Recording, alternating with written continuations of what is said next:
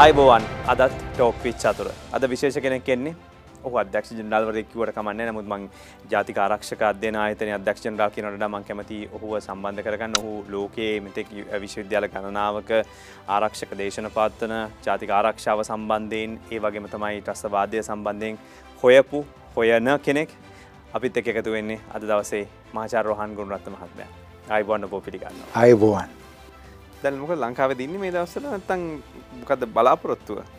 ඔවු දැන් ලංකාවෙන්නේ මොකද මේ ත්‍රස්තවාදී කටයුතු පිළිබඳව දැන් පර්යේෂණ කරනවා මේ ලංකාව විතරක් නෙවෙයි ආසියාවේ විශේෂයෙන්ම තලිබාන් කට්ටිය බලයට ආවට පස්සේ ඇෆ්ගනිස්තානයේ අපි දැන් බලනවා මොකද්ද මේ ප්‍රදේශයට වෙන බලපෑනක්ම කියලා. ඒ කියන්නේ දැන් මේ ප්‍රදේශයට වන බලපෑම කියලා කියන්නේ එතකොට ඔබ විශ්වාස කරනවද තලිබාන්ලා බලය අත්පත් කර ගැනීමත් එක්ක ලොකු වෙනසක් සිද්ධ වෙන්න යනවා කියලා කලාපීය ආරක්ෂාවේ?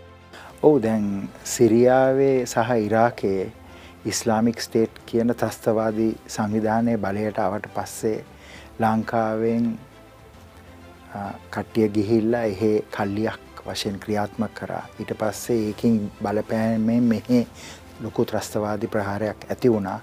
ඒ වගේ ඇෆ්ගනිස්තානයේ දැන් අල්කයිඩා සහ තලිබාන් සංවිධාන බලයට ඇවිල්ලා තියෙනවා. ඉතින් ඒකෙන් අපි දැකලා තියෙනවා ලොකු බලපෑමක් දැන් තියෙනවා ආසියාව ආසියාවේ.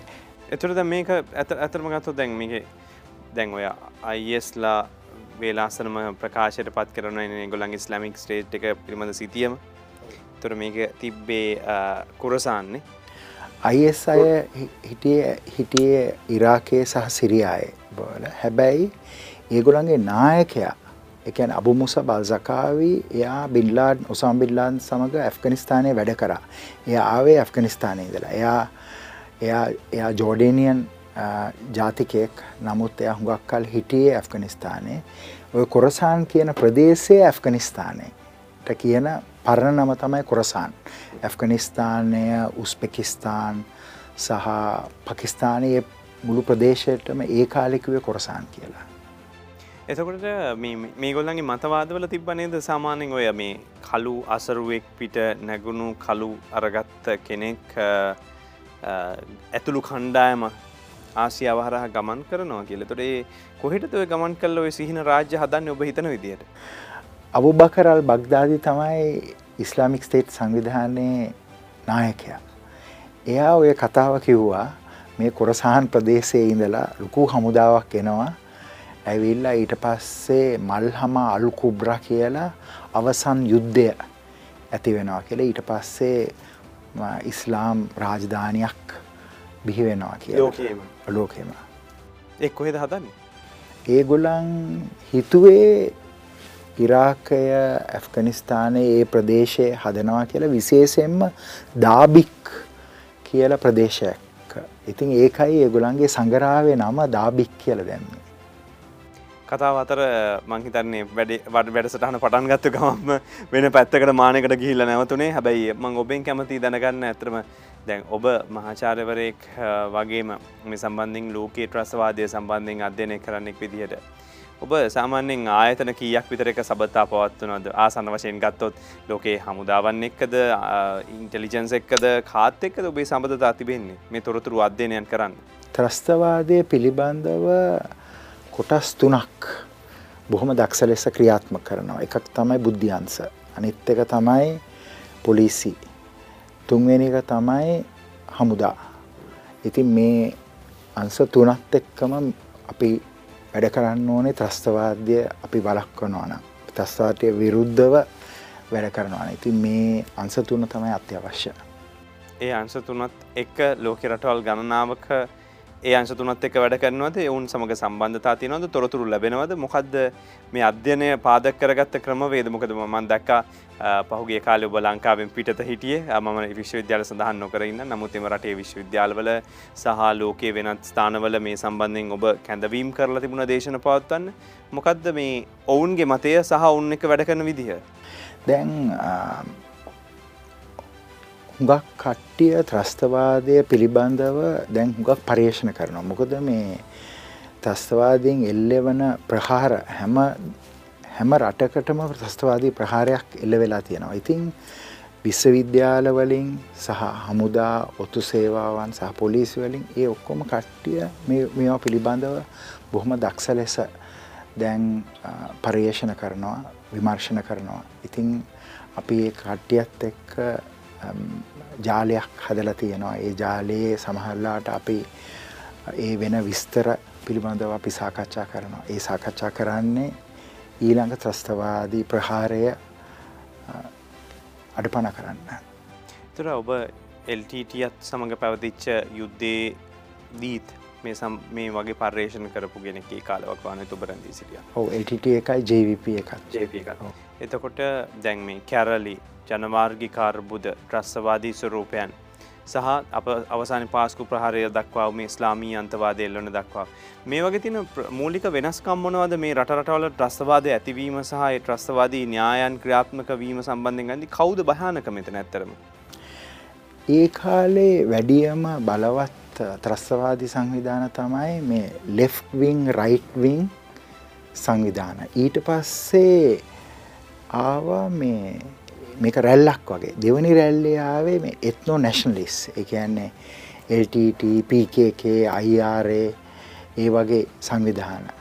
ඊට පස්සේ මේ තුන්වෙනි රැල්ල තමයි මේ ආගම පැත්තෙන් එන එන ප්‍රහාර. දැන් මේකේ ඉස්ලාම් ධර්මය විකෘති කරලා සහරාන් වගේ කට්ටිය ප්‍රහාර එල්ල කරා. අබු බකර බගදාදී ප්‍රහාර එල්ල කරා. අල්කයිඩ සංවිධානය ඔසාම බින් ලාඩන් ප්‍රහාරිල්ල කරා. ඊළඟට බෞද්ධ ධර්මයත් ඒ පැත්ත අනි පැත්තට හරවලා ඕම් ශින්රිකයෝ කියලා ජපානයේ සොකෝ අසහරා එයා ප්‍රහාර එල්ල කළා. ඊළඟට RSS සංවිධානයේ ඒ කැඩිලා ගිය සමහර කොටස් ඒ කට්ටියත් ප්‍රහාර එල්ල කරා. ඊළඟට සීක් සංවිධාන ඒ කියන්නේ පංජාබ් වල තියෙන සීක් අය ඒගොල්ලන් බාබර් කල්සා ඉන්ටර්නැෂනල් කියලා සංවිධාන කැඩිලා ඒ සංවිධාන වලින්ුත් ප්‍රහාර එල්ල කරා. ඊළඟට ක්‍රිස්තියානු ආගමත් විකෘති කළා ඒ ගොල්ලන්ගේ එක එක මතවාද වලින් ප්‍රහාර එල්ල කරා. දැන් නිව්සල් නවසීලන්තේ ඔස්ට්‍රේලියන් ජාතිකයෙක් ගිහිල්ලා පල්ලි දෙකකට ප්‍රහාර එල්ල කරා මාර්තු 15 2019. ඉතින් ඒ වගේ ආගම් තිය මේ ආගම් ඇවිල්ලා තියෙන සාමය බිහි කරන්න. නමුත් සමහර කට්ටිය ඉන්නවා ඒ ආගම් පාවිච්චි කරනවා ඒගොල්ලන්ගේ දේශපාලන සහ ඒගොල්ලන්ගේ පෞද්ගලික වාසියට. ඉතින් ඒගොල්ලන් ඒ ආගම පාවිච්චි කරනවා පාවිච්චි කරලා ඒගොල්ලන් ප්‍රහාර එල්ල කරනවා. ඉතින් මේක මේක ආගම කියන අදාළ වෙන්නේ නැහැ අන්තවාදයට. ඒ කියන්නේ මේ ඔබ කියපු ලිස්ට් එක ගත්තම බෞද්ධයන්ගේ සිට බුද්ධ ආගමේ සිට හැම ආගමක්ම අන්තවාදී ස්වරූපයෙන් ස්මතුවීම් පෙන්눔 කරනවා. ඔබ හරි. ඒ කියන්නේ ආගමික අන්තවාදී තමයි භයානකම. මේ අවස්ථාවේදී බය අති භයානක එන්නේ ඒ ආගමික අන්තවාදී. ඒකයි අපි බොහොම දක්ෂ ලෙස ක්‍රියාත්මක කරන්න ඕනේ මේ කිසිම ආගමක් ඒ පැත්තට අපි දැක්කොත් කවුරු හරි හරවනවා කියලා ඒකට විරුද්ධව අපි විමර්ශනයක් කරන්න ඕනේ. ඒක බෞද්ධද කිතුනුද මුස්ලිම්ද කියලා ඉස්ලාම්ද කියලා අදාළ වෙන්නේ නැහැ. මේකට ද හැබැයි ප්‍රශ්න තියන්නේ එහෙම ආගමකින් පුළුවන්ද?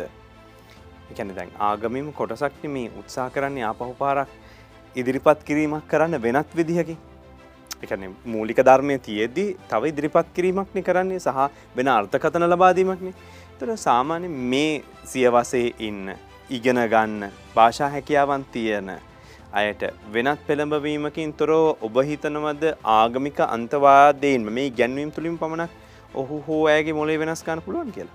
ඔ පුළුවන්. දැන් අපි මම ඔබතුමාට පෙන්න්නම් විඩියෝ පටියක්. මම විඩියෝ පටිය අරගෙනාව සහරාන් එයා මේ පටියේ එයා කියනවා මේකර ප්‍රසිද්ධලි දැක්වූ පටද නැත ඔබතුමා විශ්ලේෂණ කන වෙනත් පටය මේක වෙනත් පටියක්. මේ පටිය හොමද ලැබෙන මේ පට පටිය මේ අපි පර්යේෂණ කරනවා සහරාන්ගේ විඩියෝ හතලිහක් ඒ විදිල විඩියෝ හතල අර අන්තිම වීඩියෝ කනේද බයිත් එක දෙන වීඩියෝන අර අපේ මේ විඩියෝ එක බයිත් වෙන විඩියෝ සහරාන් කියනවා මම මේ ප්‍රහාරය එල්ල කරන්නේ අල්ලා වෙනුවෙන් සහ අපේ ආගම වෙනුවෙන් කියලා.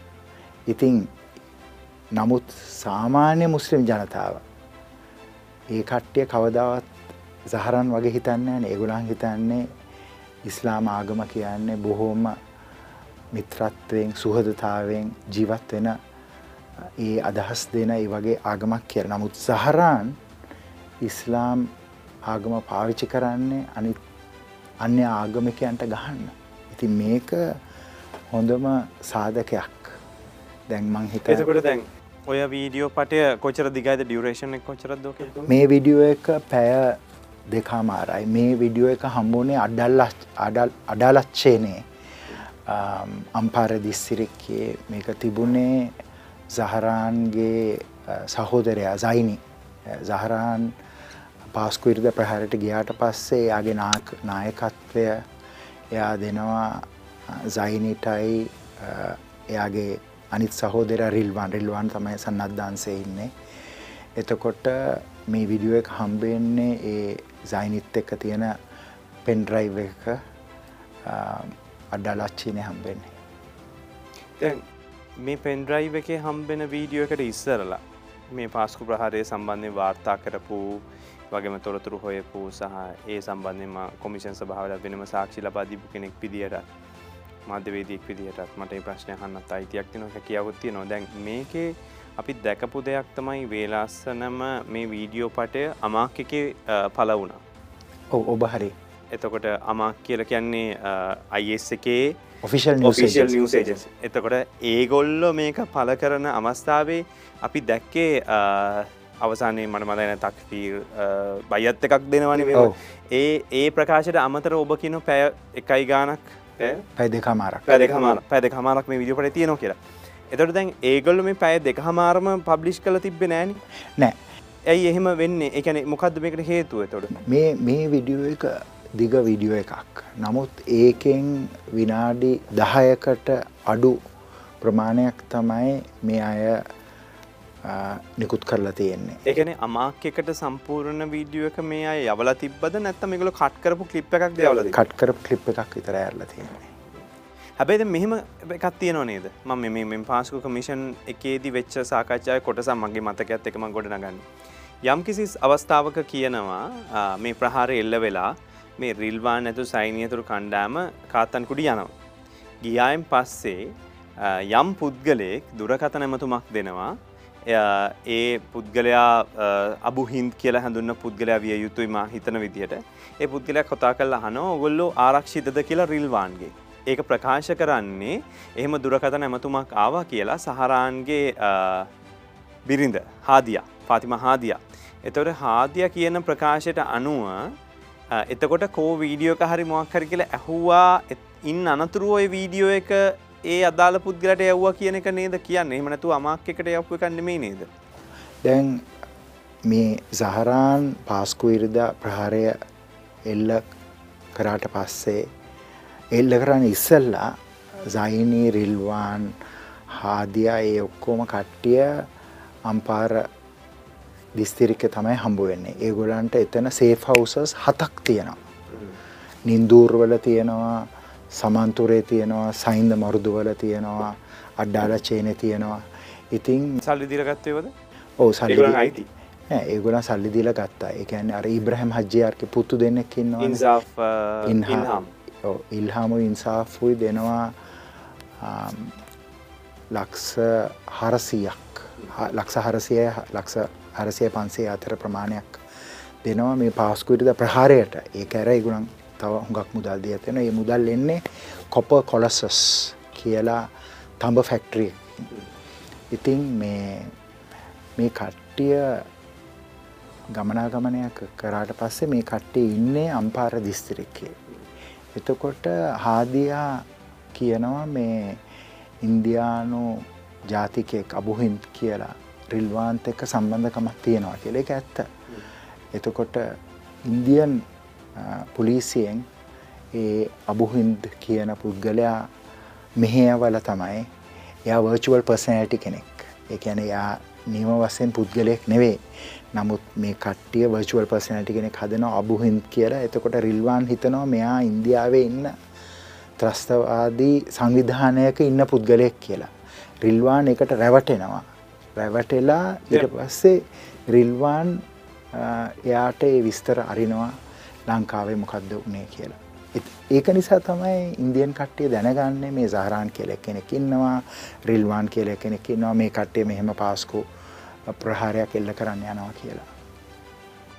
ඒකන්නේ දැම් මෙයා ඩාක් වෙබ් කැරක්ට එකක්න ඔව. එතකොට ඔබ හිතනවද මෙච්චර තාක්ෂණය දියුණු කාලෙක ඒගොලන්ගේ ගරුප් එකක ඉන්න එක පාර හඳුන ගත්ත කෙනෙකුට මේ රිල්වාන් වගේ මෙතරම් ගැන මේගොලු මෙච්චර කුමන්ත්‍රණ කාරය ස්වරූපයෙන් හැසිරෙන කෙනෙක් එක පාර සම්බන්ධ වේ කියලමින් පෙර සබත්තා නැතු නැහැ දැන් රිල්වාන් උයි ඒ අබුහින්ත් කියන එක්කෙනා සම්බන්ධකමක් අඩුගානේ අවුරුද්දක් තිබිල තියෙනවා. එකන එදදස් දහට්ටය තේ සම්බන්ධකම තිබිල තියෙනවා. ඉතිං අබුහින්ත් කියන්නේ ඉන්දියන් පොලිසියේ නිලධාරියෙක් උත්තු පැත්තේ වැඩ කරන කෙනෙක් පොලිස් ඔත්තු සේවේ වැඩ කරන කෙනෙක්. එයා රිල්වාන්ත් එක්ක සම්බන්ධකමක් තිබුණා. ඒකෙන් එයා සහරාන් එකත් කතා කරලා තියෙනවා. ඉතින් සහරාන් උයි රිල්වාන් වූ හිතන්නේ මේ කට්ටිය ඇත්තට ත්‍රස්වාදී මේ අබුහින් කියන්නේ සස්තවාදයක් කියලා නමුත් අබුහින් කියන්න සස්තවාදයෙන් නෙවෙයි එයා පොලිසියේ ඔත්තු සේවයක වැඩ කරන නිලධාරියෙක්. ඉතින් ඒකයි අර ඉන්දියන් රජයෙන් ලංකා රජයට දැනුම් දුන්නේ.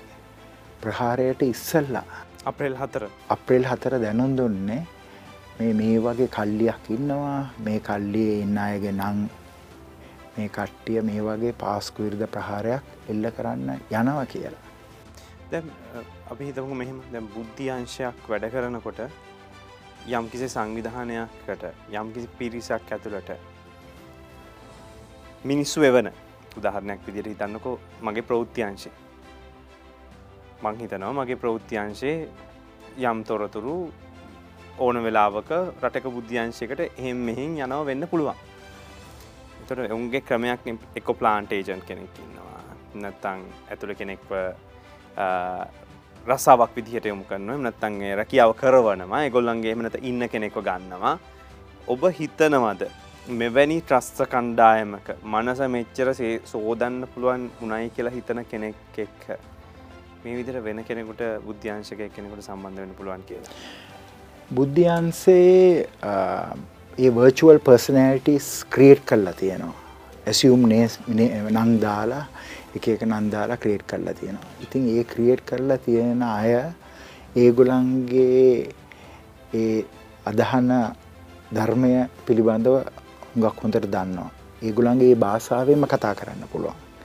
දැන් සිකුරාදා දොළහට ඒගොලන් යනවා පල්ලි. එතකොට ඒගොලන්ගේ දොළහට ඒ වෙලාවට කතා කරන්න හැ. කොද මුස්ලිම් භක්තිකයෙක් නම් ඒ වෙලාවට වැඩ කරන්න යන්න ඒ වෙලාවට ඒගොලන් ගිහිල්ලා ඒගොලන්ගේ පල්ලියේ ඉන්න වෙලාව දෙයෝ එක්ක දෙයන්ව අදහන වෙලාව. ඉතින් මේ කට්ටිය බොහොම දක්ෂ ලෙස ක්‍රියාත්මක කරලා තියෙනවා. මේ බුද්ධ්‍යන්සේ කට්ටිය ත්‍රස්තවාදීන් සමඟ සමහර වෙලාවට ඒ වගේ කමියනිකේෂන් ලිංකයක් ඇති කරන්නේ මොකද මොකද ඔත්තු ගන්න එතකොට ඊළඟ ත්‍රස්වාදී ප්‍රහාරය නතර කරන්න වැලක් ගැන සහරාන් කුමන භාෂ මොකද දැන් උදාහරණයක් විදිර ගත්තොත් එක් අවස්ථාවක කර ප්‍රකාශයන් දෙකක් එක්ක මම මේ සඳහන උපුඩා දක්වන්නේ. ඉන්දයානු බුද්ධ්‍යංශයක්ක සෙවෙතත් අයිB එක හෝ යම් නමකින් හඳුන්නන කේරලේ සිට ක්‍රියාත්මක වෙච්ච මේ බුද්ධ්‍යංශයක් එක්ක මේ අය වැඩ කරා කියලා සඳහනක් තිබෙනවා. ගැන ඒ අය තමයි මේ ගොල්ලොත් එක්ක සම්බන්ධ උනේ කියලා සඳහනක් තිබුණ. තොට මොකද කතා කරු භාෂාව තොට අරබි භාෂාවෙන් කතා කරද ස්ලා මොකද එමනත ඉංගලිශලින්ද කතා කරේ මේ මොකද මේ කොළන්ගේ ජාලය තුළ ක්‍රියාත්මකන භාෂාව. අබුහින්ද කතා කරේ සහරාන්ත එක්ක සහ රිල්වාන්ත එක්ක කතා කරේ ද්‍රවිඩ භාෂාවෙන්. එතර සහරාන් ඇවිල්ලා අරබි භාෂා පිළ මනා දැනුමෙක් ඇත්තෙක් කියල සඳහන්න වනා තොට මේ ස්ලාමීය අධිරාජ්‍යත් එක මේ අය සයසකත එක එකතු වෙන කට්ටියගේ භාෂාව ඒ අය අරබි භාෂාව හෝ එවැනි භාෂාවක් නෙවේ තොට සහරන්ට අ අරබි භාෂාව හුඟක් හොඳට කතා කරන්න සහරන්ට කතා කරපුුණ සයිනටත් කතා කරන්න පුළුවන් අරාබි භාෂාව මොකද ඒ දෙන්නම අරාබි භාෂාව බොහොම ඉහල පෙළකට ඒ දෙන්න ඒ මේ පාසැල් ගිහිල්ලා ඒ අරාබි වාසාාව ඉගෙන ගන්න තියෙනවා. ඉතින් සහරාන් හැබැයි වැඩියම ලිව්වේ ආගේ ලිපි ලිව්වේ ද්‍රවිඩ භාසාාවෙන් ඉඳල හිටලා ඒ කටේ අරාබි භාසාාවෙන් උත් ලියල තියෙනවා. එතකොට ඔබ විශ්වාස කරනවා මේ කණ්ඩායම විශේෂ දුරකතන මාර්ග ඔස්සේ ඕ වෙනත් ඇප් එකකින් මේ සබදතා පැත්තුව කියල. මොකක් දෙකොල්ල මේ සබත් පවත්තන්න යොදාගත්ත ජාලය තියෙන පර්ේෂණ ඉස්ලාමික් ස්ටේට් ලංකාවේ සංවිධානය එකැනේ සහරන්ගේ කල්ලිය පාවිචි කරේ ත්‍රීම කියන ඇප් එක. ඊළඟට තව සංවිධානයක් තිබුණ ලංකාවේ ජේමයි කියලා. ජමියතුල් මිල්ලති ඉබ්‍රහිම් ෆිසිලනි කියල සංවිධානයක්. ඒ සංවිධානය ඊට පස්සේ සහරන්ගේ සංවිධානයක් එක්ක මිත්‍රත්වයක් ඇති කරලා එකට එකතු වෙලා වැඩ කරා. ඒ සංවිධානය පාවිච්චි කරේ වත්සැප් ඉතිං නූතන නූතන තාක්ෂණය අය සංවිධානය බොහොම දක්ෂ ලෙස පාවිච්චි කරා ඒ කාලේ ලංකාවේ පොලිසිය ඔත්තු සේවය ඒ තාක්ෂණය පිළිබඳව හොඳ අවබෝධයක් තිබුන් නැහැ එකන්නේ ඒ අය දක්ෂ ලෙස ක්‍රියාත්ම කරානං පාස්කු ඉර්ද ප්‍රහාරය අපිට බලක් වන්න තිබුණා.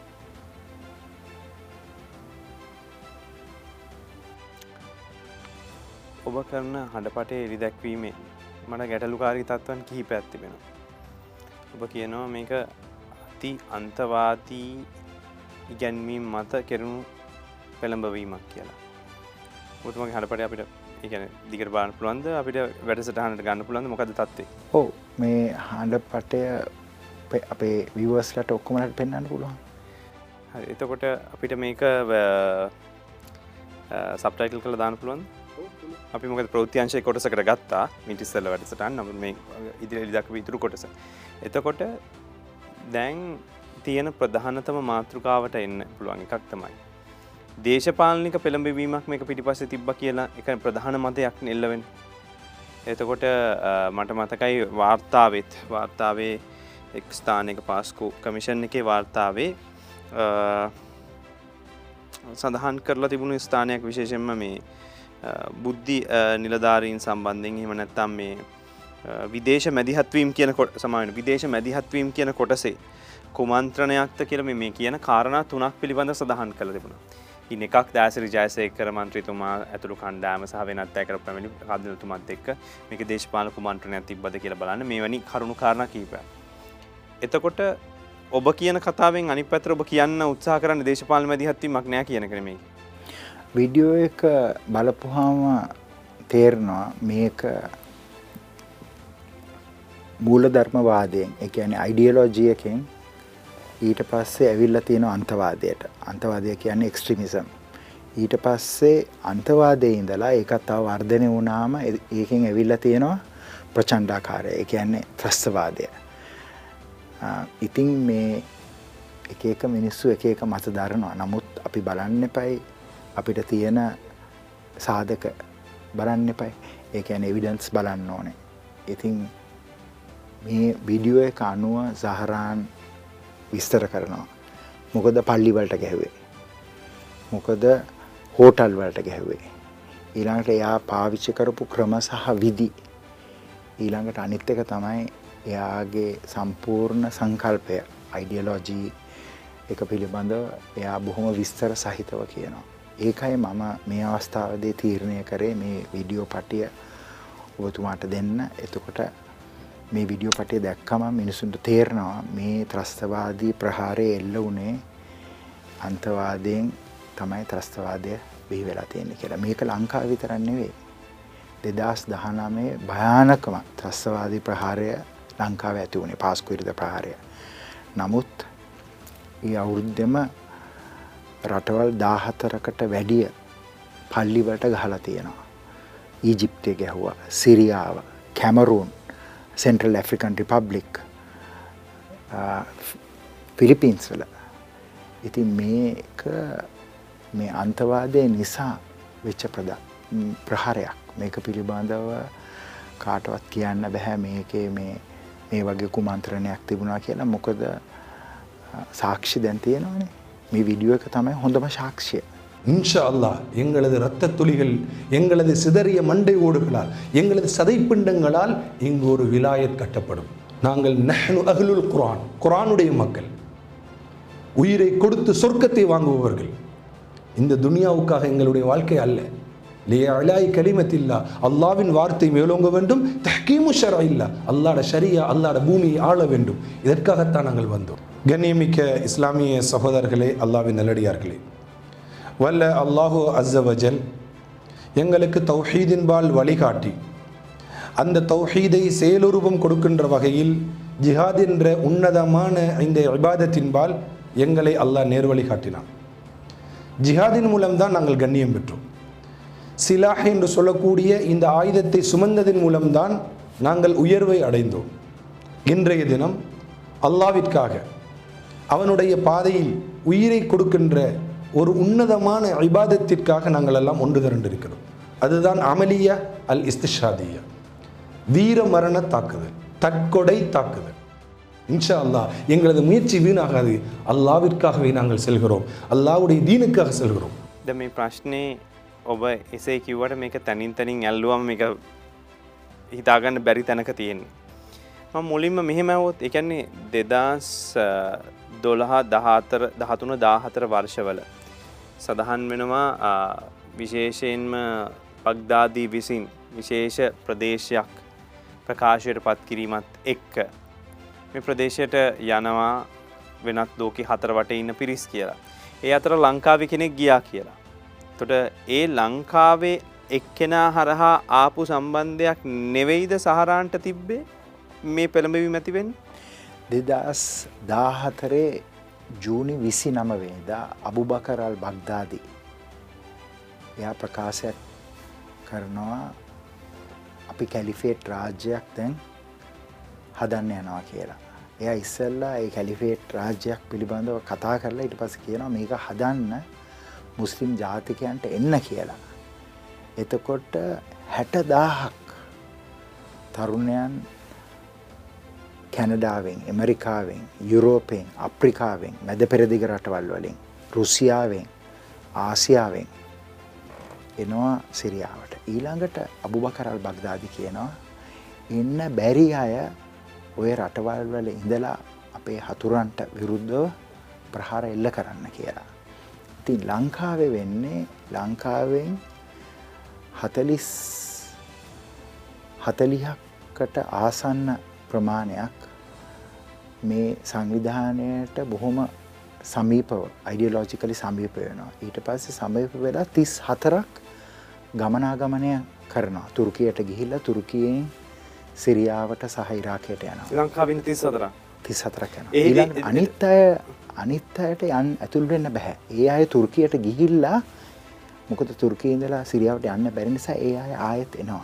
ඇවිල්ලා ඒගොල්ලන් ලංකාවේ හදනවා ජMI කියලා සංවිධානයක්. ජමියතුල් මිල්ලති ඉබ්‍රහිම් ෆිසිලනි සංවිධානයක්. අර සිරිය ඉරාකයට ගිය කල්ලියයි ලංකාවන්න ජMI කල්ලය ඒගොලන්ගේ අයිඩියලෝජයක ඒගන් ඒගොලන්ගේ මූල ධර්මවාදය එකයි. කිසිම වෙනසක් නැහැ. නමුත් මට හිතාගන්න බැරි මුලින් සඳහනුනේ මහනුවර ප්‍රිත්ත විද්‍යාලය වගේ ඉගෙනගත්ත කෙනෙක් තමයි මුලින්ම මෙත් එක්ක සම්බන්ධ වනේ කියලවරලා ඔබ හරි ඒ ඒ පලවෙනිම ලාංකිකයා මෙහින් යන්නේ. එයාගේ නම නිලාම්. එයා ඒ ට්‍රින්ඩල් කොලේජ් එක පාඩන් කරපු කෙනෙක්. සමන විවෘර්ත මනසත්තියන හැමෝ මේ වගේ ස්කෝලකින් එකන් පාසල තුළට හිතාගන්නත් බැරි දෙයක් මේ සිද්ධ වෙලා තිබෙන ඊට පස්සේ එයා ගලේවල. එයා ගුරුවරයෙක් වසයෙන්ගුත් ක්‍රියාත්ම කරලා තියෙනවා. හැබැයි ඊට පස්සේ එයා යනවා පකිස්ථානයට ගිහිල්ලා එහෙ ඉන්ටර්නශනල් ඉස්ලාමික් යුනිවර්සිටිය එක එයා ඉන්නවා කාලයක් ඒ කාලෙ තමයි එයාට ඒ අන්තවාදී අදහස් ඇතිවෙන්නේ ඊට පස්සේ එයයි එයාගේ සහෝදරයක් ඉන්නවා ටැන්සේනියාවල ඉශක් කියලා ඒ ඉශක්ත එක්ක සම්බන්ධකමක් ඇති වෙලා පවුල් හතරක් ලංකාවෙන් පිටත් වෙනවා ගිහිල්ලා අබුබකරල් බග්දාදික සංවිධානයත් එක්ක සිරියාව ඉරාකේ වැඩ කරන. මිකුලන් යන්නේ ලංකාවෙන් යන්නේ ජනවාරි විදස් පහළව. ඊට පස්සේ නිලා මැරෙන්නේ ජූලි දෙදස් පහළවේ සහරාන්. ඊට පස්සේ අයිස් පැත්තට ගිහාට පස්සේ සහරාන් නිලාම්ගේ නමින් තමයි අර වනාතවිල්ලුවල කඳවුරත්තියෙන් ඒ පුහුණු මධ්‍යස්ථානයක් අවි අවුද හදන මධ්‍යසන ඒ ඒ කඳවුරේ නම දාන්නේ අබු සුරේ ට්‍රේනිින් කෑම්ප් කෙල් අබුසරේ තමයි නිලාම්ගේ අයිස් නම ඉතින් දැම් බලන්න ඒ කණ්ඩායමයි ලංකාවේ කණ්ඩායමය අතර තියෙන ඒ සම්බන්ධකම. දැන් මේකේ වැදගත් සිදුවීමක් දෙදස් දහනමේ එකයි දාසය තමයි වනාතවිල්ලුවේ සිදුවීම සම්බන්ධයෙන් අපිට වාර්තා වෙන්නේ මේ තොරතුරු හොයාගන්නේ එතකට ඔබ කියන ඔය කඳවුර කොතෙක්කල් පවත්වගෙන ගිහින් තිබුණද? කොතරම් පිරිසක් ඔය පුහුණුව ලැබුවද? සහ මේ සම්බන්ධව ඒ ඇන මේ පුහුණුව කියන එක අවි පුහුණුවක්ත ඔබේ තොරතුරු වාර්තා විශ්ලේෂණ වාර්තානු මොනවගේ තත්ත්වයක්ද වනාත විල්ලු කඳවුරේ සහරාන් ඒක ලෑස්ති කරේ අවියාවුද පිළිබඳව පුහුණුවත් දෙන්න.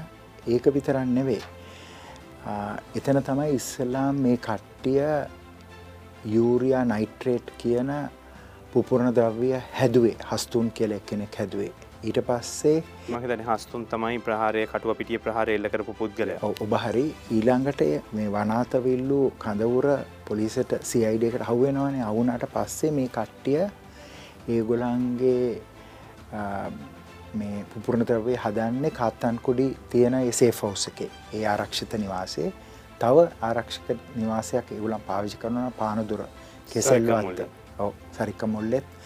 ඒ වගේම බෙඩි බෙහෙත් හදන්න. නමුත් ඉස්සල්ලාම වෙඩි බෙහෙත් හදන්නේ ඒ වනාතවිල්ලු කඳවුරු. ඒක විතරක් නෙමේ සහරාන් වනාතවිල්ලු ඉන්නකොට ජනවාරි මාසේ දෙදස් දහනමය සහරාන් සම්බන්ධකමත් තියෙනවා අර නිලාම් එක්ක ගිය ගරුප් එකේ දෙවනියත් එක්ක දෙවනියාගේ නම අරුස් එකන් දෙදස් දාහතර ගිය අයගේ අර පවුල් පවුල් වශයෙන් ගිය අයගේ. ඔවු. මේ අරුස් කියන එක්කෙනා ජමීල් කියල එක්කෙනෙක්ගේ හොඳ යාලු ජමීල් කියන්නේ දෙහිවල් බොම්බ පුරගත්ත කෙන. දැන් මේ අරුස් කියන එක් කෙනත් යනවා සිරියාවට. සහරානුයි අරුස්ත එක්ක දිගටම ඒ සම්බන්ධකම අරගෙන යනවා. ඉතින් දැන් බලන්න ඒ මතවාදයයි ඒ අයිස් මතවාදය ඒ සිරියාව ඉරාකයේ තිබෙන කල්ලියයි ලංකාවේ සහරාන්ගේ කල්ලියයි ඒ ජේමයි කට්ටය එකම එක මතවාදය. අරංගියා සබදතා තිබ කියලා කොහොමද හොයාගන්න මොනවදයකට සාක්කි නිකං ඔහෙ කියන කතාවක් නොවී අපි මේ ඔයාගත්ත විදිහක් කිව දැන් අබුසුරේ කඳවුර එකන මනාතවිල්ලු කඳවුර පිළිබඳව අපේ CID එකෙන් විමර්ශනයක් කරලා තියෙනවා. ඒ විමර්ශනය අනුව CID එකට හෙළිදරව් වෙලා තියෙනවා. මේ කඳවුරේ නම අබුසුරේ. අබුසුරේ කියන්නේ නිලාම්ගේ අයිස් නම තියෙන. උයි අනිත් එක තමයි සහරාන් ඒ අරුස්ත කතා කරනකොට එතන හිටපු අනිත් අය ඒගුලන් දැන් අත්තඩංගුවන්නවා ඒ අය මේ විස්තර CID එක්ට දීලා තියෙනවා. ප්‍රශ්නගත තත්ත්වයන් මංහිතන්නේ දැන් මට පෞද්ගලිකව දැ මේ කතාව එහෙම මෙහෙන් ගැට ගැහෙනකොට ආපහු එන ප්‍රශ්න දෙකක් තියෙනවා. ඉන් එකක් තමයි දැන් ඔය පිපිරීම සඳහා යොදාගන්න යුරිය නයිට්‍රික් ඇසිත් මේ වගේ දේවල්. දැන් අපි එල්ටිය පැවති වකවානම යුද්ධෙත් වාර්තා කිරීම කරන්න කිය සම්බන්ධ චිතමට මතකයි TNT ඩෙටනේට වගේ දේවල් තමයි පිපිරීම් සඳහා ඒ අය යොදාගත්ත එක්ස්පලෝසිව් සිදියට දැ මේ දෙකේ තියෙන වෙනස මොකක්ද ඒ අයට කොහොමද මේකෙක් මොකක්ද ප්‍රබලත්වය වැඩි බලපෑම වැඩි මොකේද? පුපුර්ණ ද්‍රව්‍ය කොටස් තුනකට බෙදන්න පුළුවන්. පලවෙනි කොටසන් තමයි මිලිටරි ග්‍රේඩ් එක්ස්පෝසිස් LTT එක පාවිච්චි කරේ මිලිටරි ග්‍රේඩ් එක්ස්පෝසිස් කොද LTT එක මුදල් දීල ගත්තා යුක්‍රේන් වලින් මේ ටොන් පණහක් TNT උය RDX ටොන් දහයක් ගත්තා. ඊට පස්සේ ඒගොලන් නෝත් කොරියා වලින් අනිත් TNT RDX PTN ඒ ඔක්කොම ගත්තා. මේවාට කියන්නේ මිලිටරි ග්‍රේඩ් එක්ස්ප්ලෝසිව්ස් කියලා. සහරාන් මිලිටරි ග්‍රේඩ් එක්ස්ප්ලෝසිව්ස් පාවිච්චි කරේ නැහැ. හැබැයි LTT එක පාවිච්චි කරා. දෙවැනි එක්ස්ප්ලෝසිව්ස් එක තමයි කොමර්ෂල් එක්ස්ප්ලෝසිව්ස් තුන්වෙනි එක්ස්ප්ලෝසිව්ස් එක තමයි හෝමේඩ් එක්ස්ප්ලෝසිව්ස් හෝමේඩ් එක්ස්ප්ලෝසිව්ස් කියන්නේ දැන් සහරාන් පාවිච්චි කරේ හෝමේඩ් එක්ස්පලෝසිව්ස් මොකද ඒ යූරයා අරගන යූරයා නයිට්‍රික් ඇසිඩ් වලට දාලා එයා ඒගොලන් පුපුරණ ද්‍රව්‍ය හැදවා. දැන් අපි පාස්කු ඉරිදා ප්‍රහාරය දැක්කොත් ඒකෙන් විශාල සංඛ්‍යාවක් දෙසිය හැට එකක් අන්තිමේදී ජීවිතක්ෂයට පත් වුණා පන්සියකට වැඩිය තුවාලයි. දැන් ඒ හෝමේඩ් එක්ස්පලෝසිස් වලින් උත් ලොකු හානියක් ඇති කරන්න පුළුවන්. මිල්ටරි ග්‍රේඩ් එක්ස්පලෝසිස් වලින් උත් පුළුවන්. කොමර්ශල් එක්ස්පලෝසිස් වලින් උත් පුළුවන්. එතකොට දැනට තියෙන තත්ත්වය අනුව ඕනම අවස්ථාවක මේ හෝමෙන්ඩ එක්ස්පෝසිව් සාරගෙන පාවිච්චි කරන පුළන් තත්වය ලංකාව තියෙනවා. විශේෂයෙන්ම පාස්කුවිර්ද ප්‍රහාරයට පස්සේ ලංකා රාජ්‍යය බොහොම දක්ෂ ලෙස ක්‍රියාත්මක කරලා තියෙනවා මේ එක්ස්පලෝසිව්ස් දැන් ඒ වගේ විකුණන්න බැහැ. හැබැයි දෙදස් නමය මේ ප්‍රහාරය එල්ලවෙන්න ඉස්සල්ලා සහරාන්ගේ කට්ටිය ගිහිල්ලා මේ යූරයා ඊළඟට නයිට්‍රික් ඇසි දේව ඔක්කොම මිලදී අරන් තියෙන්නේ කොළඹ කොළඹේ තියෙන ඩෑම් ස්ට්‍රීට් එකේ තියෙන සාප්පුවලින් ඉතින් මං හිතන්නේ මේක ලොකු ප්‍රශ්නයක් මේ වගේ ඒ විකුණන ස්ථාන විකුණ ඒවා මිලදී ගන්න අය ඒවා පිළිබඳව යම්කිසි ක්‍රමයක් තියෙනවා. ඒ ක්‍රමයක් තිබුණ නැත්තම් සමහරලාට ආයෙත් තව ප්‍රහාරයක් එල්ල වෙන්න පුළුවන්. දැන් ගිය සතියේත් අලව්ව ප්‍රදේශ පිපිරීමක් ඇති වෙනවා. එතකොට මේ ගල්වලක වෙඩි බෙහෙත් දැමීම සඳහා ගෙනාපු ඒවා එකට තිබලතෑ මේ පිපිරීම සිද්ධ වෙන්නේ. ඔබ කියන විදිහට මම බිල්ල මවන මේ කතා කරන්න නමුත් මේ අනාරක්ෂිතයින් රටව කියන තරම් ආරක්ෂිත භාවයක් නෑ. ඒදි කියන පොලිසිවලට කියල තියෙනවා එහම තියෙනවන ස්ථාන නිරීක්ෂණය කරන්න කියලා පොලිසිවලට කටියන හැලු හිල්ල බලන්න දැන් ඒ ගල්වල කියන කොරිස් ඊළඟට මාලු දීවරයන්ගුත් මේ එක්ස්පෝසිස් පාවිෂි කරනවා. ඉතින් මේකට අපි යම්කිසි ක්‍රමයක් දක්ෂ ක්‍රමයක් අපි හදන්න ඕනේ. මේක අපි හැදුවේ නැත්තම් සමහරලාට ඒ පුපුරණ ද්‍රව්‍ය වෙනින් වැඩවලට පාවිච්චි කරන්න පුළුවන්. මම එනවා අපහුපාරක් අපි කතා කරලා නවත්තපු තැනක් ඒක යන්නේ දැම් මේ වනාත විල්ලුවේ සිදුවීම. මීට පෙර අපට වාර්තා වෙනවා ඉඩිස්සල් අවුරුද්දේ කැනෙ දෙදස් දහ අට අවුරුද්ධ දෙසැම්බර් මාසේ මගේ මතගෙන වැරදින මවනල බුදු ෆිල්ම කැඩීම සිද්ධිය. එතකොට මේ සිද්ධියටත් ඔය කියන විදිහට මේ ජාලය එකට ක්‍රියාත්මක වුණාද. ඕ සහරාන්ගේ කට්ටිය තමයි බුදු පිළිමත් කැඩුවේ. ඒ කට්ටියට කියන්නේ මාවනැල්ල ගරුප් එක කියලා. දැන් ඒ කල්ලිය නායකයෝ දෙන්න සාධික් සහ ශාහිඩ්. දැන් ඒ දෙන්න කණ්ඩායමක් හදලා ඒ කට්ටිය ගිහිල්ලා මාවනැල්ල බුදු පිළිම කැඩුවා. ඒක ඇර ඒගොලන් හින්දු පිළිම ගනේශ් දෙවියන්ගේ එක පිළිමයක්කුයි ඊළඟට මදමේරිගේ මේ පිළිමයක්කුත් කඩලා තිබුණා. ඉතින් මේ සහරාන්ගේ මතවාදය ඒගොලන් පිළිම ප්‍රතික්ෂේප කරනවා. ඒගොලන් පිළිමයක් දැක්කොත් ඒගොලන්ට එක කඩන්න ඕනේ මොකද ඒගොලන්ගේ අයිඩියලෝජික ඒගොලන්ගේ අන්තවාදය අනුව මතවාදය පිළිබඳව ඒ පිළිම තියෙන්න බැහැ. පිළිම වන්දනාව සිදු කරන්න බෑ ඒක තමයි අපි කොයවෙලෙත් කියන්නේ සලාෆි වහබිසම් ඒ කියන්නේ අර මැද පෙරදිග ඉඳලා ආපු ඒ ධර්මය මේ ලංකාවට ගැලපෙන්නේ නැහැ. ලංකාවට ගැලපෙන්නේ පාරම්පරික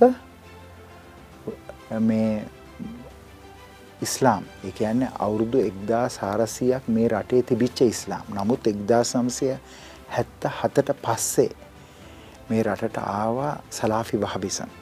මොකද රට වෘතාර්ථකයක් වුණානේ. ඉතින් කට්ටිය ගියා මැද පෙරදිග රටවලට වැඩ කරන්න.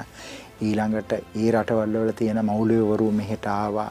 ලංකාවෙන් ගිහිල්ලා ඒ සෞදි අරේබියාවේ ඒ සලාෆි වහබිසම් උගන්නන මෙඩිනා කියන විශ්වවිද්‍යාලවල පාඩම් කරලා ඒ ධර්මය අරගෙන ආවා. ඉතින් ඒකයි ලංකා රජය සංවිධාන එකොල්හක් තහනම් කරේ. මේ සංවිධාන ඒවිල්ලා ප්‍රහාරෙන් පස්සෙන්. ප්‍රහාරයෙන් පස්සේ. නමුත් ඉරිසල් එනම් ඕක කරන්න තිබ්බන. හෝ ඔබ හරි. නෑ, නමුත් මම- ඊට ඉස්සෙල්ලා කරා නම් මේ ප්‍රහාරය අපිට වළක්වන්න තිබුණා. මොකද මේ මතවාදය ලංකාවේ ව්‍යාප්ත වුණොත් ලංකාවේ කවදාවත් සමයක් ඇති වෙන්නේ නැහැ. මම අපහු වෙන දැන් එතකොට මේකේ කාලිෆ් තක්ෆීර් මංහිතන මේ වචන අපි අවබෝධ කරගෙන අහන්න ඕන වචන ටිකක් තියෙනවන. එතකොට කවුද මේ අ, මුස්ලිම් නොවන අය? තොට මුස්ලිම් අය. සහ එතට මුස්ලිම් ජනතාවටන මුලින්ම මේ ප්‍රශ්නය මුහුණ දු- දෙන්න සිද්ධ වනේ කාත්තන් කුඩියද. ඒ අයටනේ මුලින්ම සහරාන්ලගේ ප්‍රහාර එල්ලවෙන්න පටන් ගත්තේ.